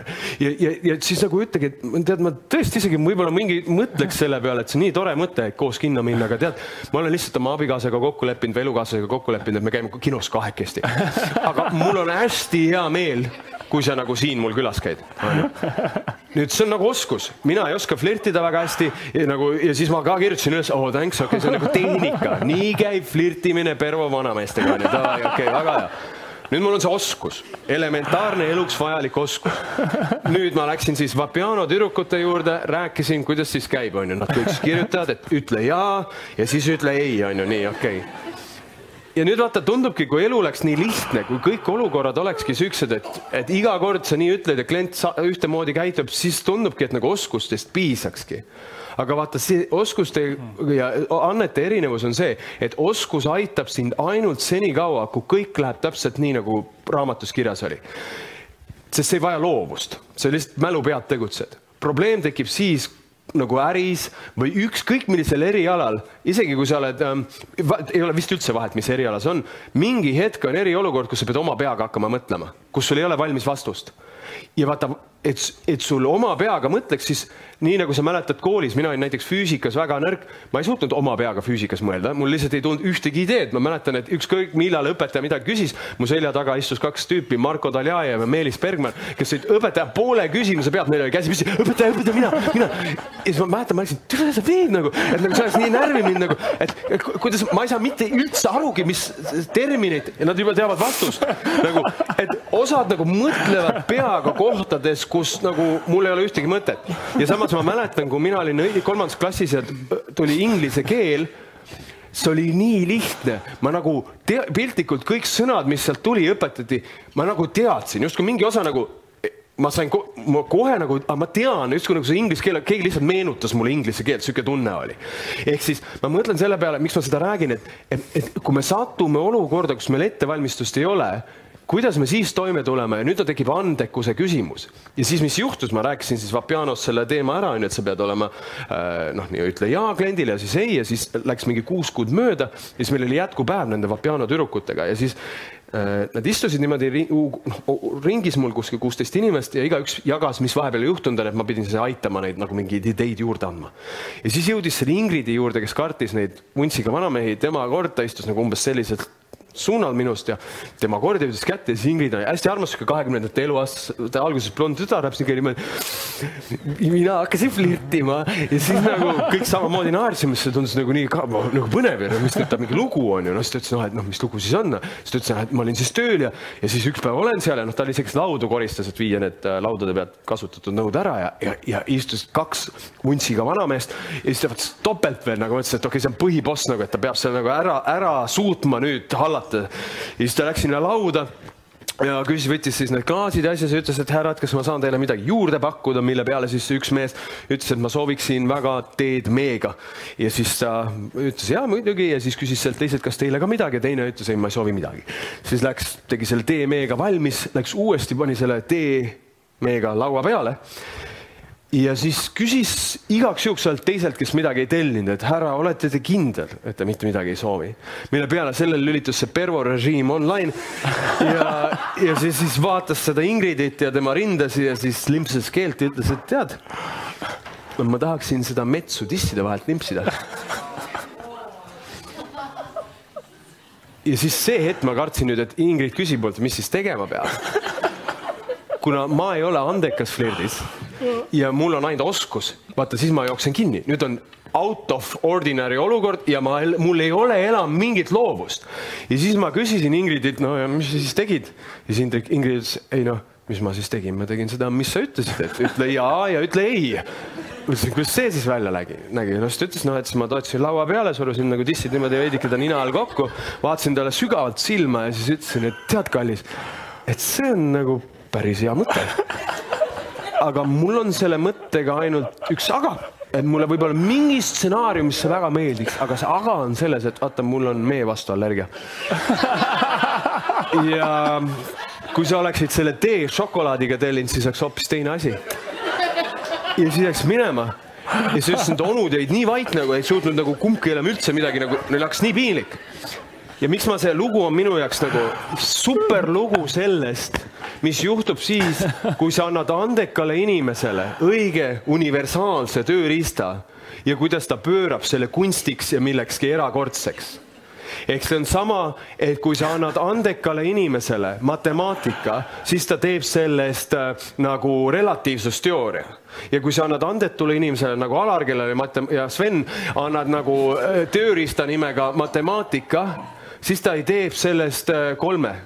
Ja kõik noh, või viie miinusega on ja sina said mingi e, e, eksamist vabastuse. kas ma vastasin su küsimusele? okei okay., väga hea sul on väga head lood ja lugude rääkimise oskus muidugi. ja kasvõi seesama asi, see lugude rääkimise oskus, ma ei ole seda õppinud.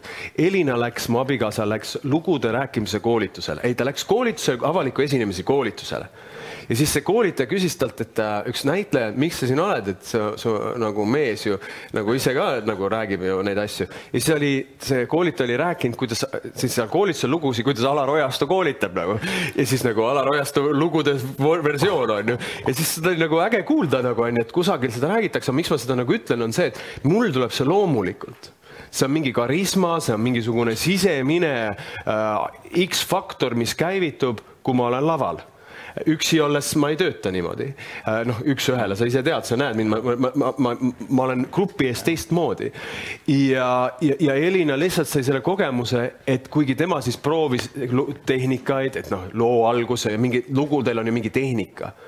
ja kui see, kui see on lihtsalt tehnika nagu universaalne oskus, sa saad veits huvitavamaks oma õpetused teha kindlasti, aga see ei pruugi sul endal kunagi muutuda nauditavaks. sa teed seda nagu ja see tundub sul lõpuni võõras, see ei ole sina. ja publik ei saa ka sama kogemust, see ei tähenda, et seda oskust ei peaks rakendama, aga selle tegijana sa ei koge seda nii nagu mm -hmm ja, ja publik ei saa või noh, teised ei saa ka sedasama vastu.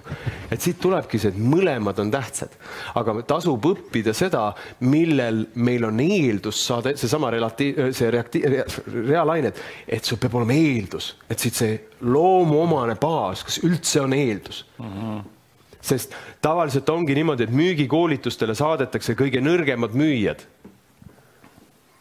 tuleks saata kõige tugevamad sest kõige nõrgemad müüjad on põhjusega nõrgemad, see pole nende jaoks see töö.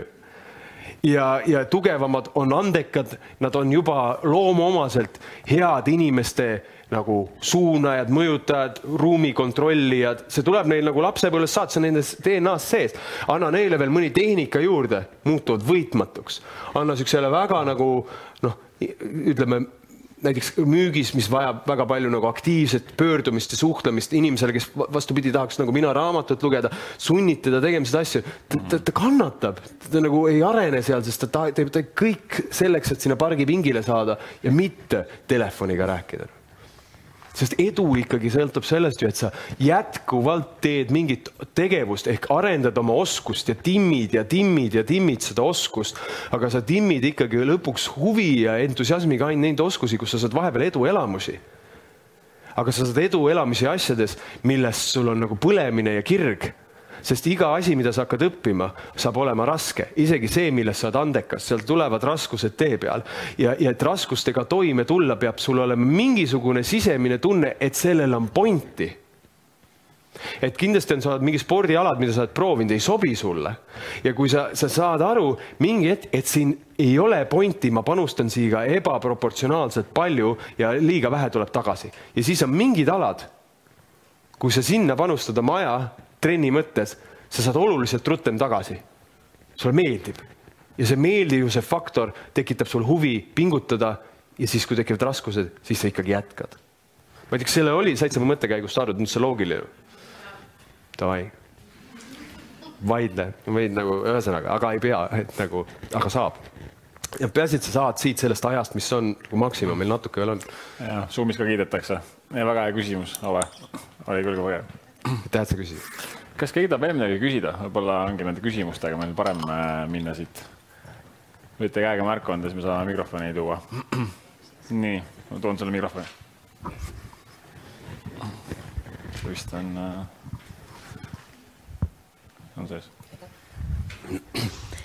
Äh, tahtsin lihtsalt küsida selle. kuidas su nimi on? Anneli. tšau. tšau. Alar äh,. väga meeldiv mm,. see laenulugu ja see maakler mm. -hmm.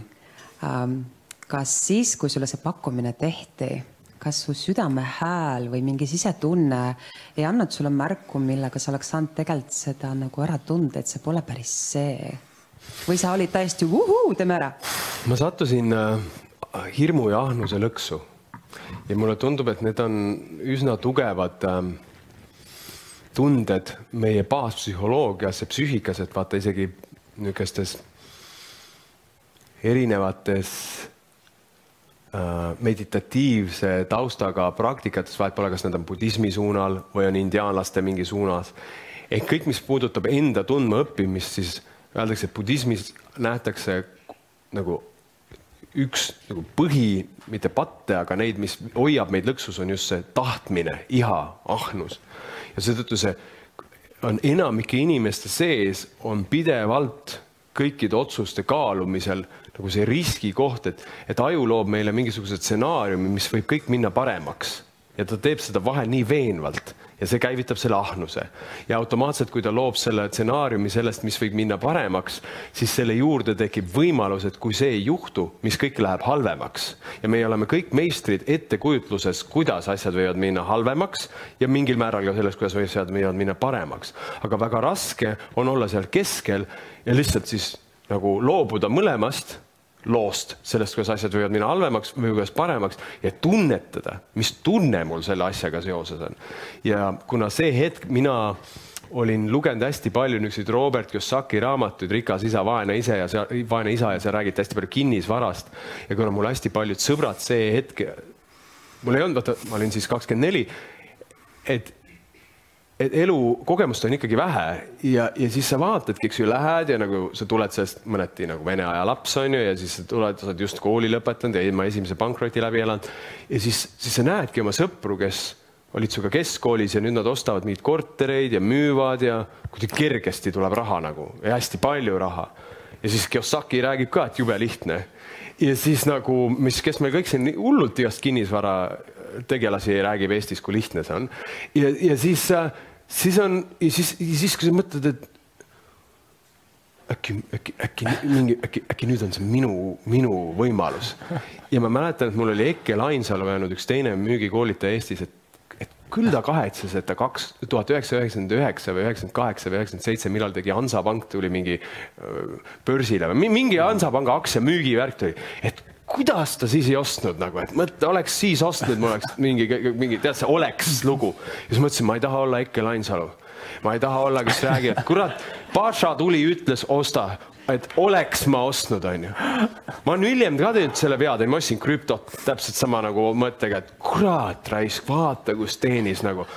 et taha olla see, kes ütles pärast oleks aga seekord ma tegin selle teistmoodi, et ikkagi õppetund oli, et ma ostsin seda krüptot sellise summa eest, et ma teadsin, et kui ma sellest täiesti ilma jään, siis ma tulen emotsionaalselt sellega toime. niimoodi, et äh, noh, võib-olla mulle ei meeldi see, aga mul ei ole nagu ja ma ei võta laenu selleks ja nii edasi, aga kui siis see krüpto, mis ma ostsin, kui see hakkas seal vahepeal siis niimoodi minema nagu kõvasti üles ja siis mu sõber, kes oli aasta varem pannud viisteist tuhat eurot eelmi-, üle-eelmise aasta märtsis krüptosse ja aasta hiljem tal oli nelisada viiskümmend tuhat äh, eurot aastaga, siis mu aju hakkas küll mõtlema, äkki ma peaks kõik oma säästud krüptosse panema?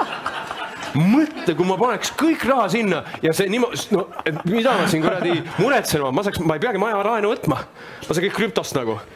ja, ja, ja, ja see ikkagi see ahnuse hääl tuli ülitugevalt ja ma loodan, ma ei tea, mis mind seekord on aidanud, vaata, ma olen nüüd ka juba üheksa aastat igapäevaselt mediteerinud, aga viimane kaks aastat hästi põhjalikult niimoodi päevas kuskil poolteist tundi istun. Ja minu selle meditatsioonitehnika stiil on see, et fookus tuleb kogu aeg just sellele tunnetusele. siis äh, võib-olla see on tasakaalustanud ja aidanud need nagu ahnuse hääled nagu ja, ja hirmu hääled ära neutraliseerida ja rohkem tegutseda tasakaalukalt mina mõtlen ka, Ave oli sinu nimi või? Ove vahel seda, et nagu see universaalsed oskused on ju, et, et, et mingi osa heidab nagu endale ette, et nagu, aga miks mind ei huvita, võiks ju lugeda krüpto kohta rohkem, seda on võimalik ju uurida ja õppida. miks mind ei huvita kinnisvara, miks ma võiks ju lugeda ja õppida, et see nagu tundub mingile osale minust siiamaani, äkki see on nagu õpitav. aga ma, ma, ma hea meelega keegi kuulaks kellegi vastuargumente, eks ju, aga ma olen lugenud vähemalt kakskümmend kinnisvaraalast raamatut läbi ja ma ei mäleta neist mitte midagi. ja järelikult ma lugesin, aga samas ma olen lugenud oluliselt rohkem raamatuid inimpsühholoogia kohta ja ma mäletan neist hullult palju. ja siis tekibki see, et kui mind miski huvitab, siis ma loen seda teise tundega, ma loen nagu enda jaoks. Versus ma loen seda seepärast, et mul on tekkinud lugu, et äkki kui ma seda ka loeks ja õpiks, siis et seal on mingi lugu äkki ja siis ja kui ma seda ei tee, siis on mingi halb stsenaarium aga nende psühholoogia raamatutega mul ei ole lugu, et äkki kui ma ei õpi, siis ma noh, jään millestki ilma või äkki kui ma õpin, siis ma saan midagi. Need on asjad, mida ma tahan teha ja mulle tundub see hullult oluline, see asi, mida ma tahan teha. mul on vahel raske sellega, sest mu abikaasa, kuna meil läheb majanduslikult hetkel üsna hästi ja, ja on juba pikka aega läinud ja, ja, ja, ja Elina, vaata, ma ei saa, ma olen nagu näinud hetki, kus ma olen talle ette, ette heitnud seda, et noh, Elina ikka oluliselt ta teenib minust palju vähem, aga teenib okeilt. aga ma olen talle nagu ette heitnud seda ja ta on ka koolitaja, ta on ka nagu oma ettevõte ja ma olen talle ette heitnud, eriti algusaastatel, me oleme nüüd kaheksa aastat koos, et miks sa nagu nii vähe pingutad, miks sa nagu ei tegele turundusega või kodulehega või miks sa nagu niisama nagu võtad aega endale ja vaatad lihtsalt, mis õige tunne on ja nii edasi. et nagu kuradi raske peab ikkagi olema aga siis ma olen nagu aru saanud, et esiteks see viis meid alati tülli ja Elina tegutseb täiesti mingi teise mingi tund, ta tegutsebki selle tunde pealt kogu aeg. ja. ja mus on mingi niisugune kuri osa, kes ootab tema nagu allakäiku, et saaks öelda I told you seesama osa ootab ka minu sees, et ta ootab minu sees ka, kuna ma olen nüüd oluliselt rohkem hakanud järgnema sisetundele otsustes, seega see ootab ka mul siin. no Alar, üks päev ma raisk karistan sind, kui sa seal tööle tagasi lähed siis ma vihkan sind. ja aga, aga noh, ma näen seda järjest rohkem kui häält ja, ja see on nagu, eks ta ongi nagu teekond, et, et jah ja ma ei tea, vaata nüüd ongi, et siis on lihtne Elinale nagu ette heita, et vaata, et sa saad niimoodi olla tunde järgi, sest ma ju teen nii palju tööd, et sul on nagu see vabadus, on ju. et mingi osa tahaks öelda, aga ma lõpetan töö tegemise ära, vaata, mis siis meist saab, on ju nagu, nagu eks mine siis oma tunde järgi, on ju. aga see ei kõla ka nagu ratsionaalselt nagu või mitte, see ei kõla ka loogilisena või ma ei, see ei ole ka, see ei kõla õigena.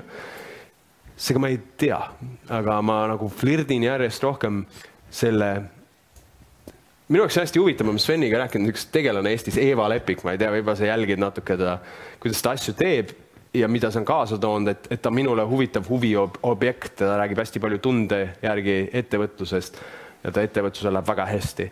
et äh, aga see on ka teekond, enda, enda, ennem ei saa teha asju midagi, kui see ei ole sulle loomulik. Muidu see on, muidu saab isegi tunde järgi elamine saab muutuda täpselt samaks asjaks nagu kinnisvara ostmine.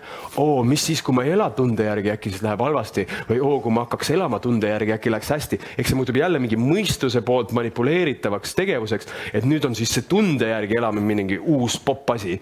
ehk ma tegelikult ei ela tunde järgi, vaid ma mõtlen välja, milline käib tunde järgi elu ja siis tegelikult ikka, tegelikult mõistus on ahvinud, tunde järgi elamine vist käib niimoodi ja siis proovid seda teha. ma ühe korra sain teada, kas mõistus suudab ahvida tunde järgi tegemist. ma vaatasin kaks tuhat mingi, Eckart Tollet tead või yeah.? keegi teab veel Eckart Tollet? ma kaks tuhat kaksteist olin hullult Eckart Tolle vaimustuses ja siis vaatasin, kuidas Eckart Tolle esineb. ma ei tea, kui te olete näinud, Eckart Tolle läheb, istub niimoodi ja siis ta on pikalt vait ja siis ta hakkab kuskilt hästi sügavast kohast rääkima. ja siis mul oli üks suur konverents, kuhu mind esinema kutsuti ja mu, mu, minu stiil on selline, nagu see täna on olnud. ja siis ma mõtlesin, et no ikka Eckart Tolle räägib, sa räägid hetkest ja tundest pead rääkima. ja siis ma tegin täis fake esinemise, ma läksin, ehk miski ei tulnud loomulikult, ainult mu mõistus ütles, kuidas Eckart Tolle teeks. ja siis ma läksin sinna saali lavale siis istusin, tegelikult oli räme ärevus selles asjas, mõtlesin, mis Eckart Tolle teeks, siis tegin niisuguse Eckart Tolle naeratuse ja siis mõtlesin, nüüd peab tunde järgi midagi ütlema. ja siis ütlesin, tunde järgi on väga tähtis elada. ja siis rääkisin mingit kõige haigemat nagu jama. Endal kogemus puudus, millest räägin, aga nagu tahaks nagu elada nii ja siis läksin õpetama seda teistele ühesõnaga, elu on huvitav, aitäh, et selle teema avasid, ma ei tea, mis sellest kasu oli aga sind kuulaksin tundide viisi. päriselt või? jaa. hea meel, ma vahel muretsen, et äkki ma jään niisugust jutumist Zoomis ka kiidetakse, et äh, väga head äh, lood ja näited. kas äh, kellelgi on Zoomis ka võib-olla mingeid küsimusi Alarile veel? nii äh,, Liisa ütleb, oh, ma maalin tunde järgi. obstruktsionist olen pidevalt pead murdnud, kuidas sellest rääkida, aitäh, Alar Liisa ütleb ka veel, et ma tunnen mingit valgustumist ja naerab no Eckart Tolle toimib. aga äkki ma olen veits rohkem Eckart olen kindlasti täna sest no aga see aeg ma ei olnud ühtegi päeva mediteerinud ka, sest ma olin nii Eckart Tolle uskunud, Eckart Tolle, mis ta ütles siukse lause, et et tõeline meditatsioon ei ole see, et sa istud padja peal ja mediteerid, onju. et tõeline meditatsioon on siis, kui on kogu aeg meditatsioon, onju. ja et sa nagu eladki meditatsioonis. ja siis ma mõtlesin, jah sellepärast ma ei peagi mediteerima. tõeline meditatsioon on kogu aeg. aga see, et sa seda lauset ütled, ei, ei tähenda, et sul on ka tõeline meditatiivne seisund kogu aeg, on ju, et, et jah. et see, see on ikka hullult aidanud, Sven, et see, sest ma tean, et sa veel ei ole nii palju jõudnud, sa, sa, sa, sa oled proovinud muid asju, Qigongi asjad, mida sa seda äppi ja ma proovisin, äge. ja ma tahaks ka rohkem jõuda, aga, aga see noh, nagu et viia meditatsioon, Timoga me oleme sellest korra rääkinud, et viia meditatsioon esialgu kahekümnele minutile, neljakümne viiele minutile ja siis proovid tund ja siis ka võib-olla poolteist ja mingi aeg ma tegin kaks. et noh, see on nagu, see on reaalselt nagu füüsiline trenn nagu sisemiselt ja midagi hakkab muutuma, et. Äh, nüüd viimased aastad sa oled teinud siis mm -hmm. pikemaid meditatsioone on mm -hmm. ju, aga enne seda sa tegid siis ka kakskümmend minutit lühemaid? ma tegin kaks aastat, tegin järjest, oma esimesed aastad tegin äh, poolteist tundi päevas, ma tegin ühte niisugust programmi nagu Holosync. täna on Eesti arendajate on niisugune programm nagu Synctuition mm. -hmm. aga Holosync oli nagu audiomeditatsioon, kus ma kuulasin audiolaineid ja see oli, see, see oligi, programm oli poolteist tundi, on ju, ja seda, mul ei olnud valikut see algul töötas ülivõimsalt, aga siis üks hetk nagu lihtsalt nagu need ajulained, ma tundsin, ma panen mingi efekti enam ei olnud mm -hmm. ja siis mul jäi paus ja äh, sisse paar aastat, siis ma hakkasin mindfulness meditatsiooni tegema ja siis algul see oli nagu need harjutused olid kakskümmend minutit ja kolmkümmend, algul see kolmkümmend viis minutit oli tohutult palju. aga siis mingi hetk hakkas loomulikult minema neljakümne viiele minutile, ma nägin, et ma saan sellest kasu, kui see esialgne, kui see võõrastusefekt läks üle ja hakkad nagu orienteeruma paremini, mitte läbi juhendatud meditatsiooni, vaid enda, enda seest juhendatud meditatsiooni. ja siis mul tuli vaata see õpetaja, kellest ma sulle rääkisin siin, kelle juures ma äh, eelmine aasta mul oli vaata viiskümmend päeva olin vaikuslaagris, eks ju mediteerisin pikalt, et, et ma sain nagu noh, uuele tasemele selle, selle meditatsiooni, et ma tunnen täna, et ma olen mingit vilumust et, ja, ja, ja näen, mis ta teeb ja kuidas ta aitab. kas see oli ka niisugune, et noh, rääkisite ennem, et mingeid asju nagu tahad teha ja mingeid asju pead sundima, kas see mediteerimine nagu see pikem, et ma võtan see kakskümmend minutit või see pool tundi, kas see oli niisugune nagu, et ma pean panema kalendrisse selle või nagu to do listi kirja endale, et seda teha või see tuli nagu? täna on, äh, täna on meditatsioon, sa mõtled siis, kui me alustasime täna ja no üldse see progress võib-olla aastate jooksul ka, et vaata, kuna mm, ma saan öelda tänase kohta, täna on meditatsioon minu päevas see asi, mida ma kõige rohkem ootan mm.. see on nagu kõige meeldivam osa peaaegu kõikidest asjadest, sest see on aeg, kus ma saan olla rahus iseendaga. Äh, see ei tähenda, et mu kogemus on alati rahulik, aga mul on aega iseenda kogemusega olla ja toetada ennast sisemiselt ja ja see on minu, minu, minu, minu aeg, ma olen ka väga introvertne inimene, et ma vajan seda võib-olla rohkem, kui võib-olla sina tundud mulle ekstravertsem, kuigi sul, ma ei tea täpselt, on ju, aga, aga, aga paljud inimesed võib-olla ei ole nii, väga ei vaja sellist aega, aga, mina väga vajan seda, e, ma olen minuga. Mhm. mul on, mul on sama tegelikult, et kuigi me tund-, tundume võib-olla vastupidiselt siin, aga aga ja, ega sa tunned, et see ilmselt ongi, et see samamoodi, kui ma teen seda, lihtsalt Siig ongi see, see seitse minutit nagu noh, sa tunned, kuidas ta rahustab või Juhan, Juhan tegi mulle ennem siin hingamist äh,, mu sõber on ju samamoodi, et see viis minutit juba kasvõi see kakskümmend korda sisse ja välja hingamine juba see tegelikult, et noh, ma kujutan ette, et see tund-poolteist saab või. ma kohe ei läheks pooleteist tunni peale, eks. alguses isegi kakskümmend minutit oli, see Synctition on muide väga hea äpp, et äh, see tõesti toimib väga hästi ja siis see lülitab sind nagu täiesti välja, ma vahepeal nagu jään tukkuma seal isegi ja siis ta teebki niisuguse nagu väikse reset'i sul. aga kakskümmend minutit ikkagi on juba omaette pingutus tegelikult aga kümne minutiga samas sa ka ei jõua sinna, et. Äh, ja see pingutus on ta algul sellepärast, et enamik inimesed avastavad seda, näiteks ma toon sulle näite või kes on kogenud seda, et saab proovi mediteerida ja tegelikult hakkab, pea läheb täis mõtteid, ei suudagi seal nagu olla, et sa ei saa aru, mida ma siin teen nagu, et sa peaks midagi kuidagi mediteerima, aga tegelikult ma samamoodi mõtlen nagu kogu aeg et see on hästi normaalne, et ähm, näiteks uuring on välja toonud, et, et nagu meie tähelepanuvõimekuse, kus me, kui palju me suudame keskenduda. Ameerika Harvardi üliõpilaste, kes peaks olema justkui kõrge IQ-ga ja nii edasi. et äh, inimene suudab fokusseerida mingisugusele asjale, kes ei ole treeninud oma taju, umbes poolteist sekundit ja siis läheb juba mõte lappama. kuldkala suudab kaks sekundit ehk kuldkala on võimekam kui inimene nagu noh, et see näitab meie tähelepanu mm. nagu treenimatust ja mis juhtub, on see minu enda kogemuses ja kõikide inimeste, kes on meditatsiooni rajal käinud, on see, et kui sa jääd endaga istuma ja pead tähelepanu viima oma sisse, siis tundub esialgu, vahel võib see pikalt tunduda, et kõik läheb hullemaks et mõtteid on nagu veel rohkem, äh, negatiivseid emotsioone on veel rohkem, korraga on probleemid, mida ennem ei olnud. miks? Ma pidin rahunema, lähen täiesti närvi. Ja mis juhtub, ei ole mitte see, et meditatsioon tekitab sulle mõtteid või meditatsioon aktiveerib sinu emotsioone, vaid kuna me oleme harjunud kogu aeg hoidma tähelepanu väljaspool ennast oma ideedel nagu väljaspool ennast nagu mõt-, nagu mul on mingi plaan selles suhtes väljaspool ennast, mõtlema mingile konkreetsele asjale ja sellest lähtuvalt kogu aeg tegutsema, minema WC-sse, avama ust, helistama kellelegi. seega mul kogu aeg midagi toimub ja kuna mu fookus täpselt nii nagu, kui sa praegu mind kuulad ja vaatad sealhulgas, siis sul on suure tõenäosusega puudub, puudub igasugune aimdus, mis toimub praegu sinu vasakus kingas. Aga kui sa nüüd korra võtad aja maha ja viid fookuse oma vasakusse jalanõusse, siis sa avastad, et seal on mingisugune temperatuur, mida sa ei olnud hetk tagasi teadlik ja kui sa võrdled praegu oma vasaku jalanõu temperat-, sisetemperatuuri parema jalanõu sisetemperatuuriga, siis sa avastad võib-olla, et erinevatel jalanõudel on erinev temperatuur seal sees. Või jala üks külg on soojem kui teine külg, kes, kes näeb seda praegu, kui sa praegu niimoodi vaatad järgi, eks ju. ja see on kogu aeg seal olnud, lihtsalt su fookus on siin, me ei suuda olla fookusega igal pool. nüüd kujuta ette, sa lülitad välja minu kuulamise, lülitad välja pildi, plõks. Ja sulle jääb korraga, küll helid jäävad alles aga nüüd kõik, mis seni oli selle katte taga, nüüd sa oled sellega, see, mis siin praegu, see mõtted ja need aistingud ja tunded ja emotsioonid, nüüd sa lihtsalt jääd nendega. ja, ja, ja seni, kuni ma elan niimoodi, et ma kogu aeg tegutsen, siis ma ei tunnegi, mis siin sees on.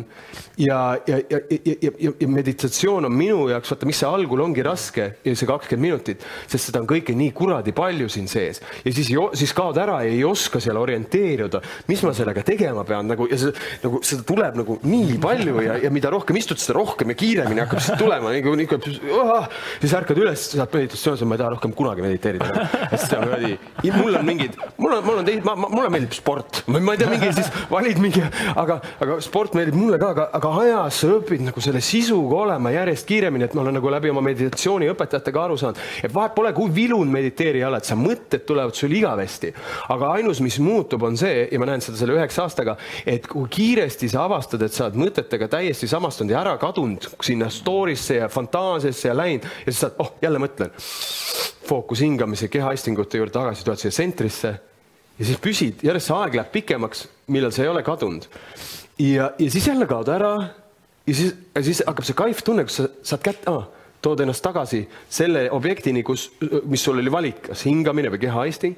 ja mis on siis täna mu meditatsiooni sisu, on see, et, et need mõtted mind sama asi juhtub, aga see on nagu nii, nii palju kiiremaks läinud sealt välja tulemine, et siis täna ma vaatan, mul tulevad üles lapsepõlvest ja minevikus, näiteks täna hommikul ma tund aega jõudsin mediteerida ja siis tulid üles koolist äh, erinevad äh, hetked, kus mind kiusati.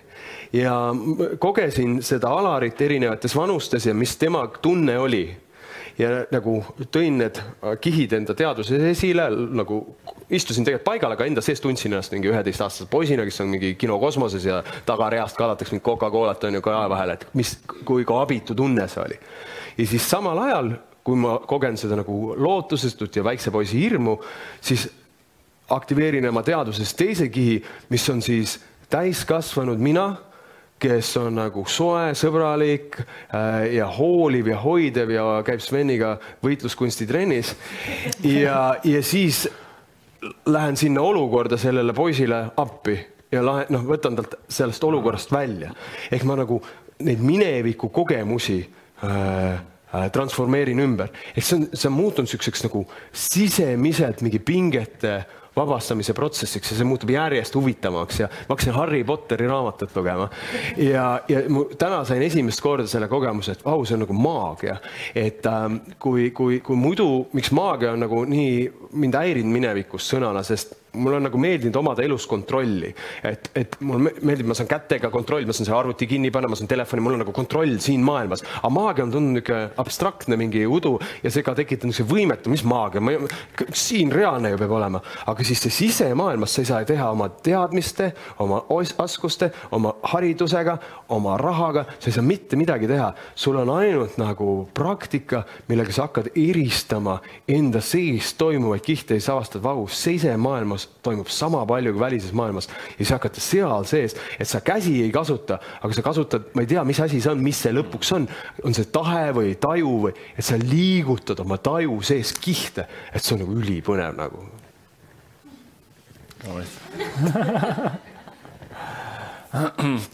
Küsimus, Kadi küsib, et küsimus teile mõlemal, et mis on parim nõuanne, mida me oleme siis üksteiselt saanud, üksteisega jaganud ma võin alustada oh,? Davai, alusta. minul ongi, ma arvan, see, et äh, mis ma ütlesin ka, et jälgi oma seda sisemist häält, et äh, esiteks, et niisugune töö on olemas, mida saab armastada mm. -hmm. ja et otsida seda teed sinna, et see, mis see minu teemant on, on ju Äh, ma, see oli parim nõuanne, mis mulle nagu väga tugeva kuidagi emotsiooni jättis, kui ma esimest seda sinu videot vaatasin mm.. lihtsalt videost mm. -hmm. Mm -hmm. mis mind ilmselt on täna ka aidanud, et me siin istume niimoodi. jaa, kes see küsis, mis ta nimi oli äh,? Kadi. Kadi, veits panid mingi pinge mulle peale nagu, et see sõna parim ähm,. et kindlasti on palju nõuandeid, ma see tundub mulle praegu niisugune koht, kus ma pärast mõtlen, fuck, et ma oleks pidanud seda ütlema ju. et mis veel tuleb meelde, aga mulle tundub, et sinult äh, praegu, kui ma nagu tunnetan enda sees, siis oli ikkagi see, kuidas sa aitasid äh, mind üle sellest pudelikaelast, et ma ei teadnud, kuidas minna sotsiaal, et nagu kuidas teha sotsiaalmeediaturundust, just see asi, et, et äh, nagu noh, teen koolitusi aega läheb sinna, tahan lugeda raamatuid, ma ei taha tegeleda veel kogu selle turundusega, see tundus mulle, et mul ei ole, mul ei ole ressurssi, ma ei, ma, ma ei jõua, et see tundus veel üks kohustus, mille peame ette võtma. ja siis sa ütlesid, aga Alar, et sul on ju kodulehel nagu, et sul on see raamat, on ju, sul on kodulehel teise raamatu ja jagu sisu. Et nagu sul on kogu turundus juba Video. olemas, et võta nendest äh, äh, artiklitest äh, nagu jaga artikkel, üks artikkel kahekümneks jupiks ja tee neist äh, vaata Facebooki need postitused, mis mul täna on. ja, ja et, et see on juba ju kolm aastat varsti ei ole ma nii-öelda teinud ühtegi tegu turunduse jaoks mm, -hmm. aga nagu assistent on sealt võtta see, mis on varem tehtud ja seda kasutada, et see on olnud noh, nii tänuväärne. hea meel kuulda tõesti väga suur rõõm, et sa tulid. Äh, ma sain siin kõvasti naerda ja nagu, nagu kuulda oli, siis äh, ma ei ole ammu isegi veel koolitusel osalenud, kus oleks äh, selline tagasiside olnud läbi nende lugude, et fantastiline. väga inspireeriv sinu, kuidas sa esitled, kuidas sa oma asja teed ja et sa oled pürginud selle meisterlikkuse poole mida sa tahad teha ja, ja kuidas sa teed seda et see on hästi imetlusväärne ja, minu jaoks kindlasti hästi inspireeriv mm.. nii et aitäh, et sa tulid. aitäh sulle.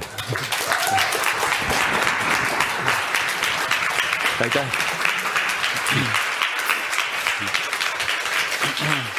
aitäh. aitäh, meil on vist veel korra käsi tõusis, kas oli küsimus, ei olnud?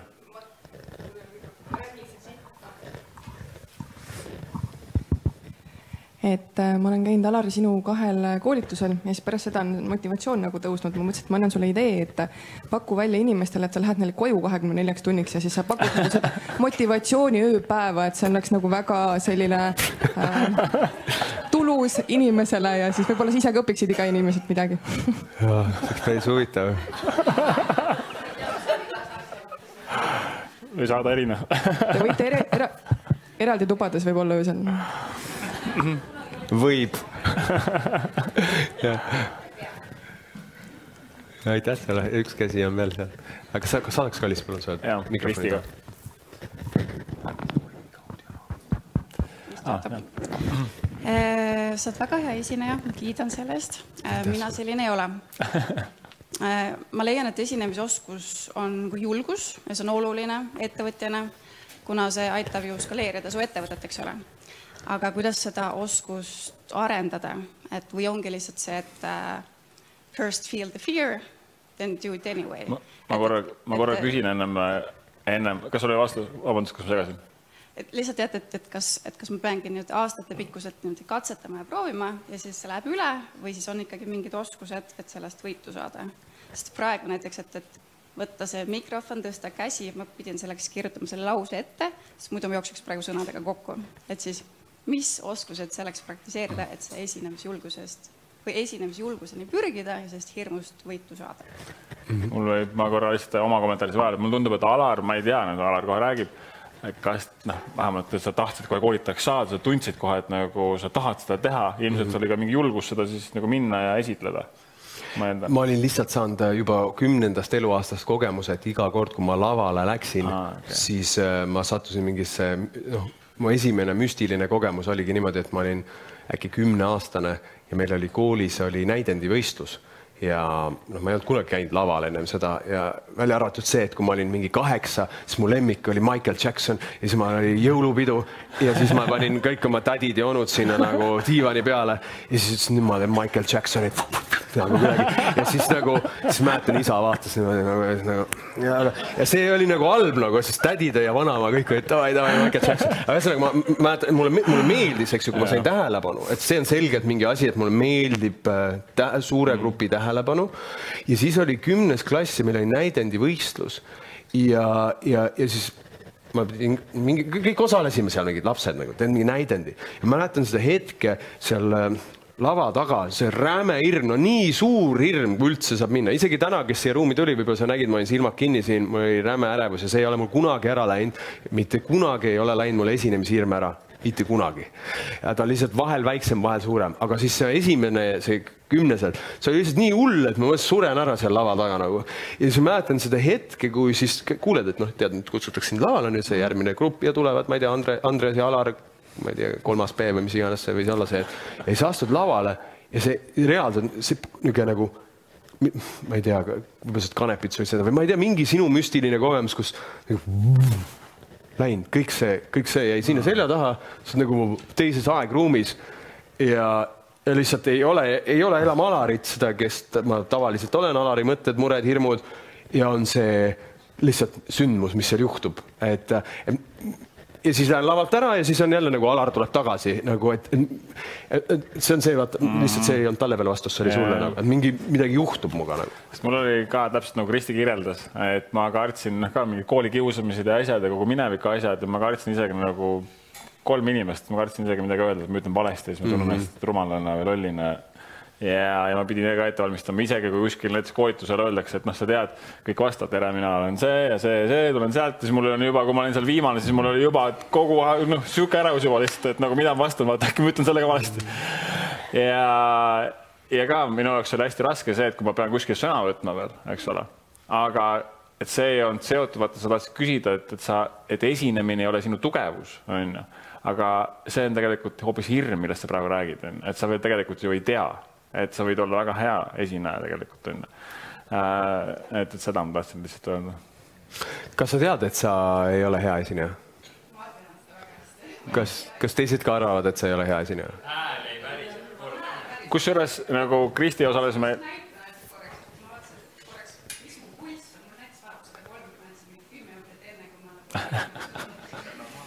see on hästi normaalne, sest tead, minul on kui mina oleks sinu positsioonil ja istuks sealt ja peaks küsima praegu vastupidises olukorras, mul oleks räme ärevus üleval, kui ma peaks publikust küsima küsimust, see on väga raske. küsimata, ma arvan. jah, no ma, ei, kui mul on midagi vaja küsida, ma küsin, aga mulle ei meeldi, sest mul tekib räme hirm, et ma saan mingi hukkamõistu teistelt või küsin, sest mu isa kritiseeris mind kogu aeg lapsena kõige eest, et see on minu mingid mustrid, millega on vaja töötada veel. seega mu lihtsalt küsimus on sulle, kas sa tead, aga pigem, kuna ma pean varsti minema, siis sa küsid, kas saab õppida, eks ju, kas saab õppida, siis ma arvan, et kindlasti, kui sa tunned, et sa pead oma töös kasutama avalikku esinemist, siis äh, mina ka algul õppisin seda juurde, et, et ma suhtusin ülitõsiselt, ma lugesin mingeid raamatuid, how to, mis iganes tellisin, kuidas mingi Amazonist mingi esin-, ma ei mäleta nende nimesid a la oligi mingi public speaking one oh one ja mingid siuksed asjad ja ma ei saa öelda, et nad liiga palju mind kuidagi aitasid, aga ma alguses sain sealt mingeid tehnikaid a la, et nagu alusta, ma ei mäleta mingid asjad, mis mind aitasid esimestel kordadel, nagu esimesed paar aastat ma kasutasin. enam ma ei kasuta neid asju, sest need on kohmakad mu jaoks, sest ma olen noh, juba tea, usaldan nii väga, et see asi võtab üle ja hakkab tööle. aga esialgu kõik need tööriistad, mis sa kuskilt loed ja, ja ma valmistusin hullult põhjalikult kunagi. Ikkagi, ma arvan ka ettevalmistus, et sa oma selle kõik valmistad ette ja lähed saja peale välja, noh, kõik paned sinna sisse, siis on see miinimumšanss, et kui sul tõmbabki nagu black out'i seal lava peal, et siis sa nagu jääd sellesse nõmedasse olukorda, sest sul on teada, et järgmine punkt on see ja siis sa oled kodus mõelnud. Ja siis ma teen nii, pluss ma lugesin raamatuid selles stiilis, mis siis teha, kui juhtub nagu kõik need halvad asjad lava peal, ehk ma nagu aga neid ei ole kunagi juhtunud, nii et ma arvan, kui ma täna need asjad juhtuks, ma ei tea, mis teha, nagu et siis ma pean ikkagi lõpuks koha peal mõtlema. seega jaa, just find the answers ja just feel the fear and do it anyway, kui seda vaja on ma arvan, et see on väga hea soovitus siia, et tee seda ikkagi ja siis sa võid avastada tegelikult, et äh, see, see oli, oli põhjuseta lihtsalt enda peas. ja õppimine kestab mul siiamaani et äh, oskuste tasandil näiteks mina olen õppimas seda, et kui mul peaks olema koolitusel niisugune olukord, kus vahel tuleb vaenulik inimene, kuidas ma tegelen selle teise inimese vaenuga. Ja, ja ma ei ole veel in, seda eksamit nagu täiuslikult ära sooritanud, nagu et äh, elu testib mind vahel sellega. Ja seda nagu raamatust ainult, ma olen aru saanud, ei piisa, noh, et aga ma näengi, et, et see oskus ei toimu, oskus ei käigi isegi mitte nii väga esinemisoskusega kokku, vaid see käib enese väärtustamisega kokku, seega mu töö käib hoopis, kuidas ma õpiks iseennast inimesena rohkem väärtustama, ära tunda, kus on, nii ei tohi minuga rääkida või käituda. see on põnev, ehk kogu, kogu sinu isiksuse arengutee lõpuks peegeldub lava peal. aga äh, siia lõpetuseks äh,, kuidas audioraamat on väljas juba või? ta on kohe-kohe-kohe väljas sõltub progeast. kindlasti ma arvan, teil tekkis suurem huvi kuulata Alari mõtteid ja, ja, ja neid ka õpetusi ja praktikaid juba ka siis äh, professionaalsemalt, mis on ka sinu ettevõttele tegelikult kasuks, sest see, mis ta räägib oma raamatus, äh, mind väga kõnetab, kuidas äh, ettevõtted tegelikult ja juhid peaksid mõtlema ja suhtuma oma iseendasse, oma ettevõttesse, oma klientidesse, oma töötajatesse Äh, ja, ja need asjad tõepoolest toimivad ja, ja see võimaldab ka sul teha seda asja, ise armastada oma asja rohkem ja luua midagi ilusat siia maailma, mille üle ka ise uhkust tunda. nii et ma soovitan Alari kodulehele minna, sotsiaalmeedias kindlasti jälgida kui audioraamat, ma arvan, et seda audioraamatut on veel eriti hea kuulata, kui sa räägid ka veel oma lugusid, asju ja selle muheda häälega, et äh, igal juhul, igal juhul raamatu soovitus teile ja ma arvan, et see ongi täpselt ilus lõpp tänasele sellele päevale ja sellele kursusele. meil on veel aega siin natukene jutustada, pilte teha, kes soovivad. Timo tuli ka kohale äh, selfisid tegema, küsimustele vastata. ja, ja aitäh Aar.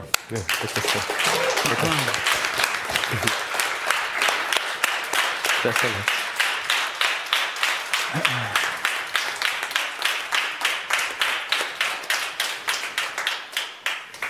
ja aitäh teile äh,. väga meeldis, et me saime täna siia kokku tulla äh, esimest korda, isegi üle pika aja samamoodi tegelikult, et tunniskoolitusi me teeme äh, tihti Zoomis ja, ja kuidagi see energia ja mul on tõesti hea meel seda kursust teha. loodan, et see oli teie jaoks väärtuslik ja kasulik.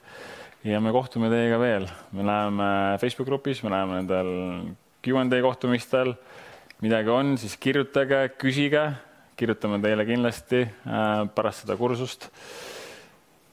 Ja endalgi natukene kahju siit ära minna, et äh, need nädalad läksid väga kiiresti äh, ja jään ootama sinu tagasisidet, jään ootama sinu esimesi väikeseid samme, millest me siin täna rääkisime. Neid järgmisi väikeseid igapäevaseid tegevusi, millest saavad tegelikult nädalate ja kuudega need suured sammud ja suured asjad, mis aitavad sind sinu unistustele lähemale ja ma loodan, et need äh, päevad, koolituspäevad ja Alari esinemine andis äh, sulle julgustust ja inspiratsiooni käia seda oma teed. Äh, mis iganes need takistused seal vahepeal tee peal on ja, ja mis vahepeal peame kuskil olema tööl ja tegema mingeid muid asju ka, see on kõik okei okay,, see on kogu selle loo üks osa ja samas ka need õppetunnid meid teevad selleks samamoodi nagu mina olen ka siin, et kõik need asjad, mis võib-olla sel hetkel tundusid, et nagu ah, miks see minuga juhtub, siis äh, samamoodi nagu see autoimmuunhaigus mul oli tegelikult kahekümne kuue aastat, ma ütlesin nagu, mis asja, kust see nüüd tuli äh,, siis tegelikult sellest sai alguse hoopis minu esimene ettevõte, esimest ettevõttest sai järgmine ettevõte ja siis teisest sai juba järgmine ja ülejärgmine äh,. ja ja see on põnev teekond ja kogu see eneseareng, mis sellega kaasneb, kui vaatad Alarit samamoodi. Äh, et äh, see on veel selle asja parim osa minu meelest, selle ettevõtlusteekonna. Nii et äh, soovin teile edu ja me näeme kindlasti veel. aitäh sulle.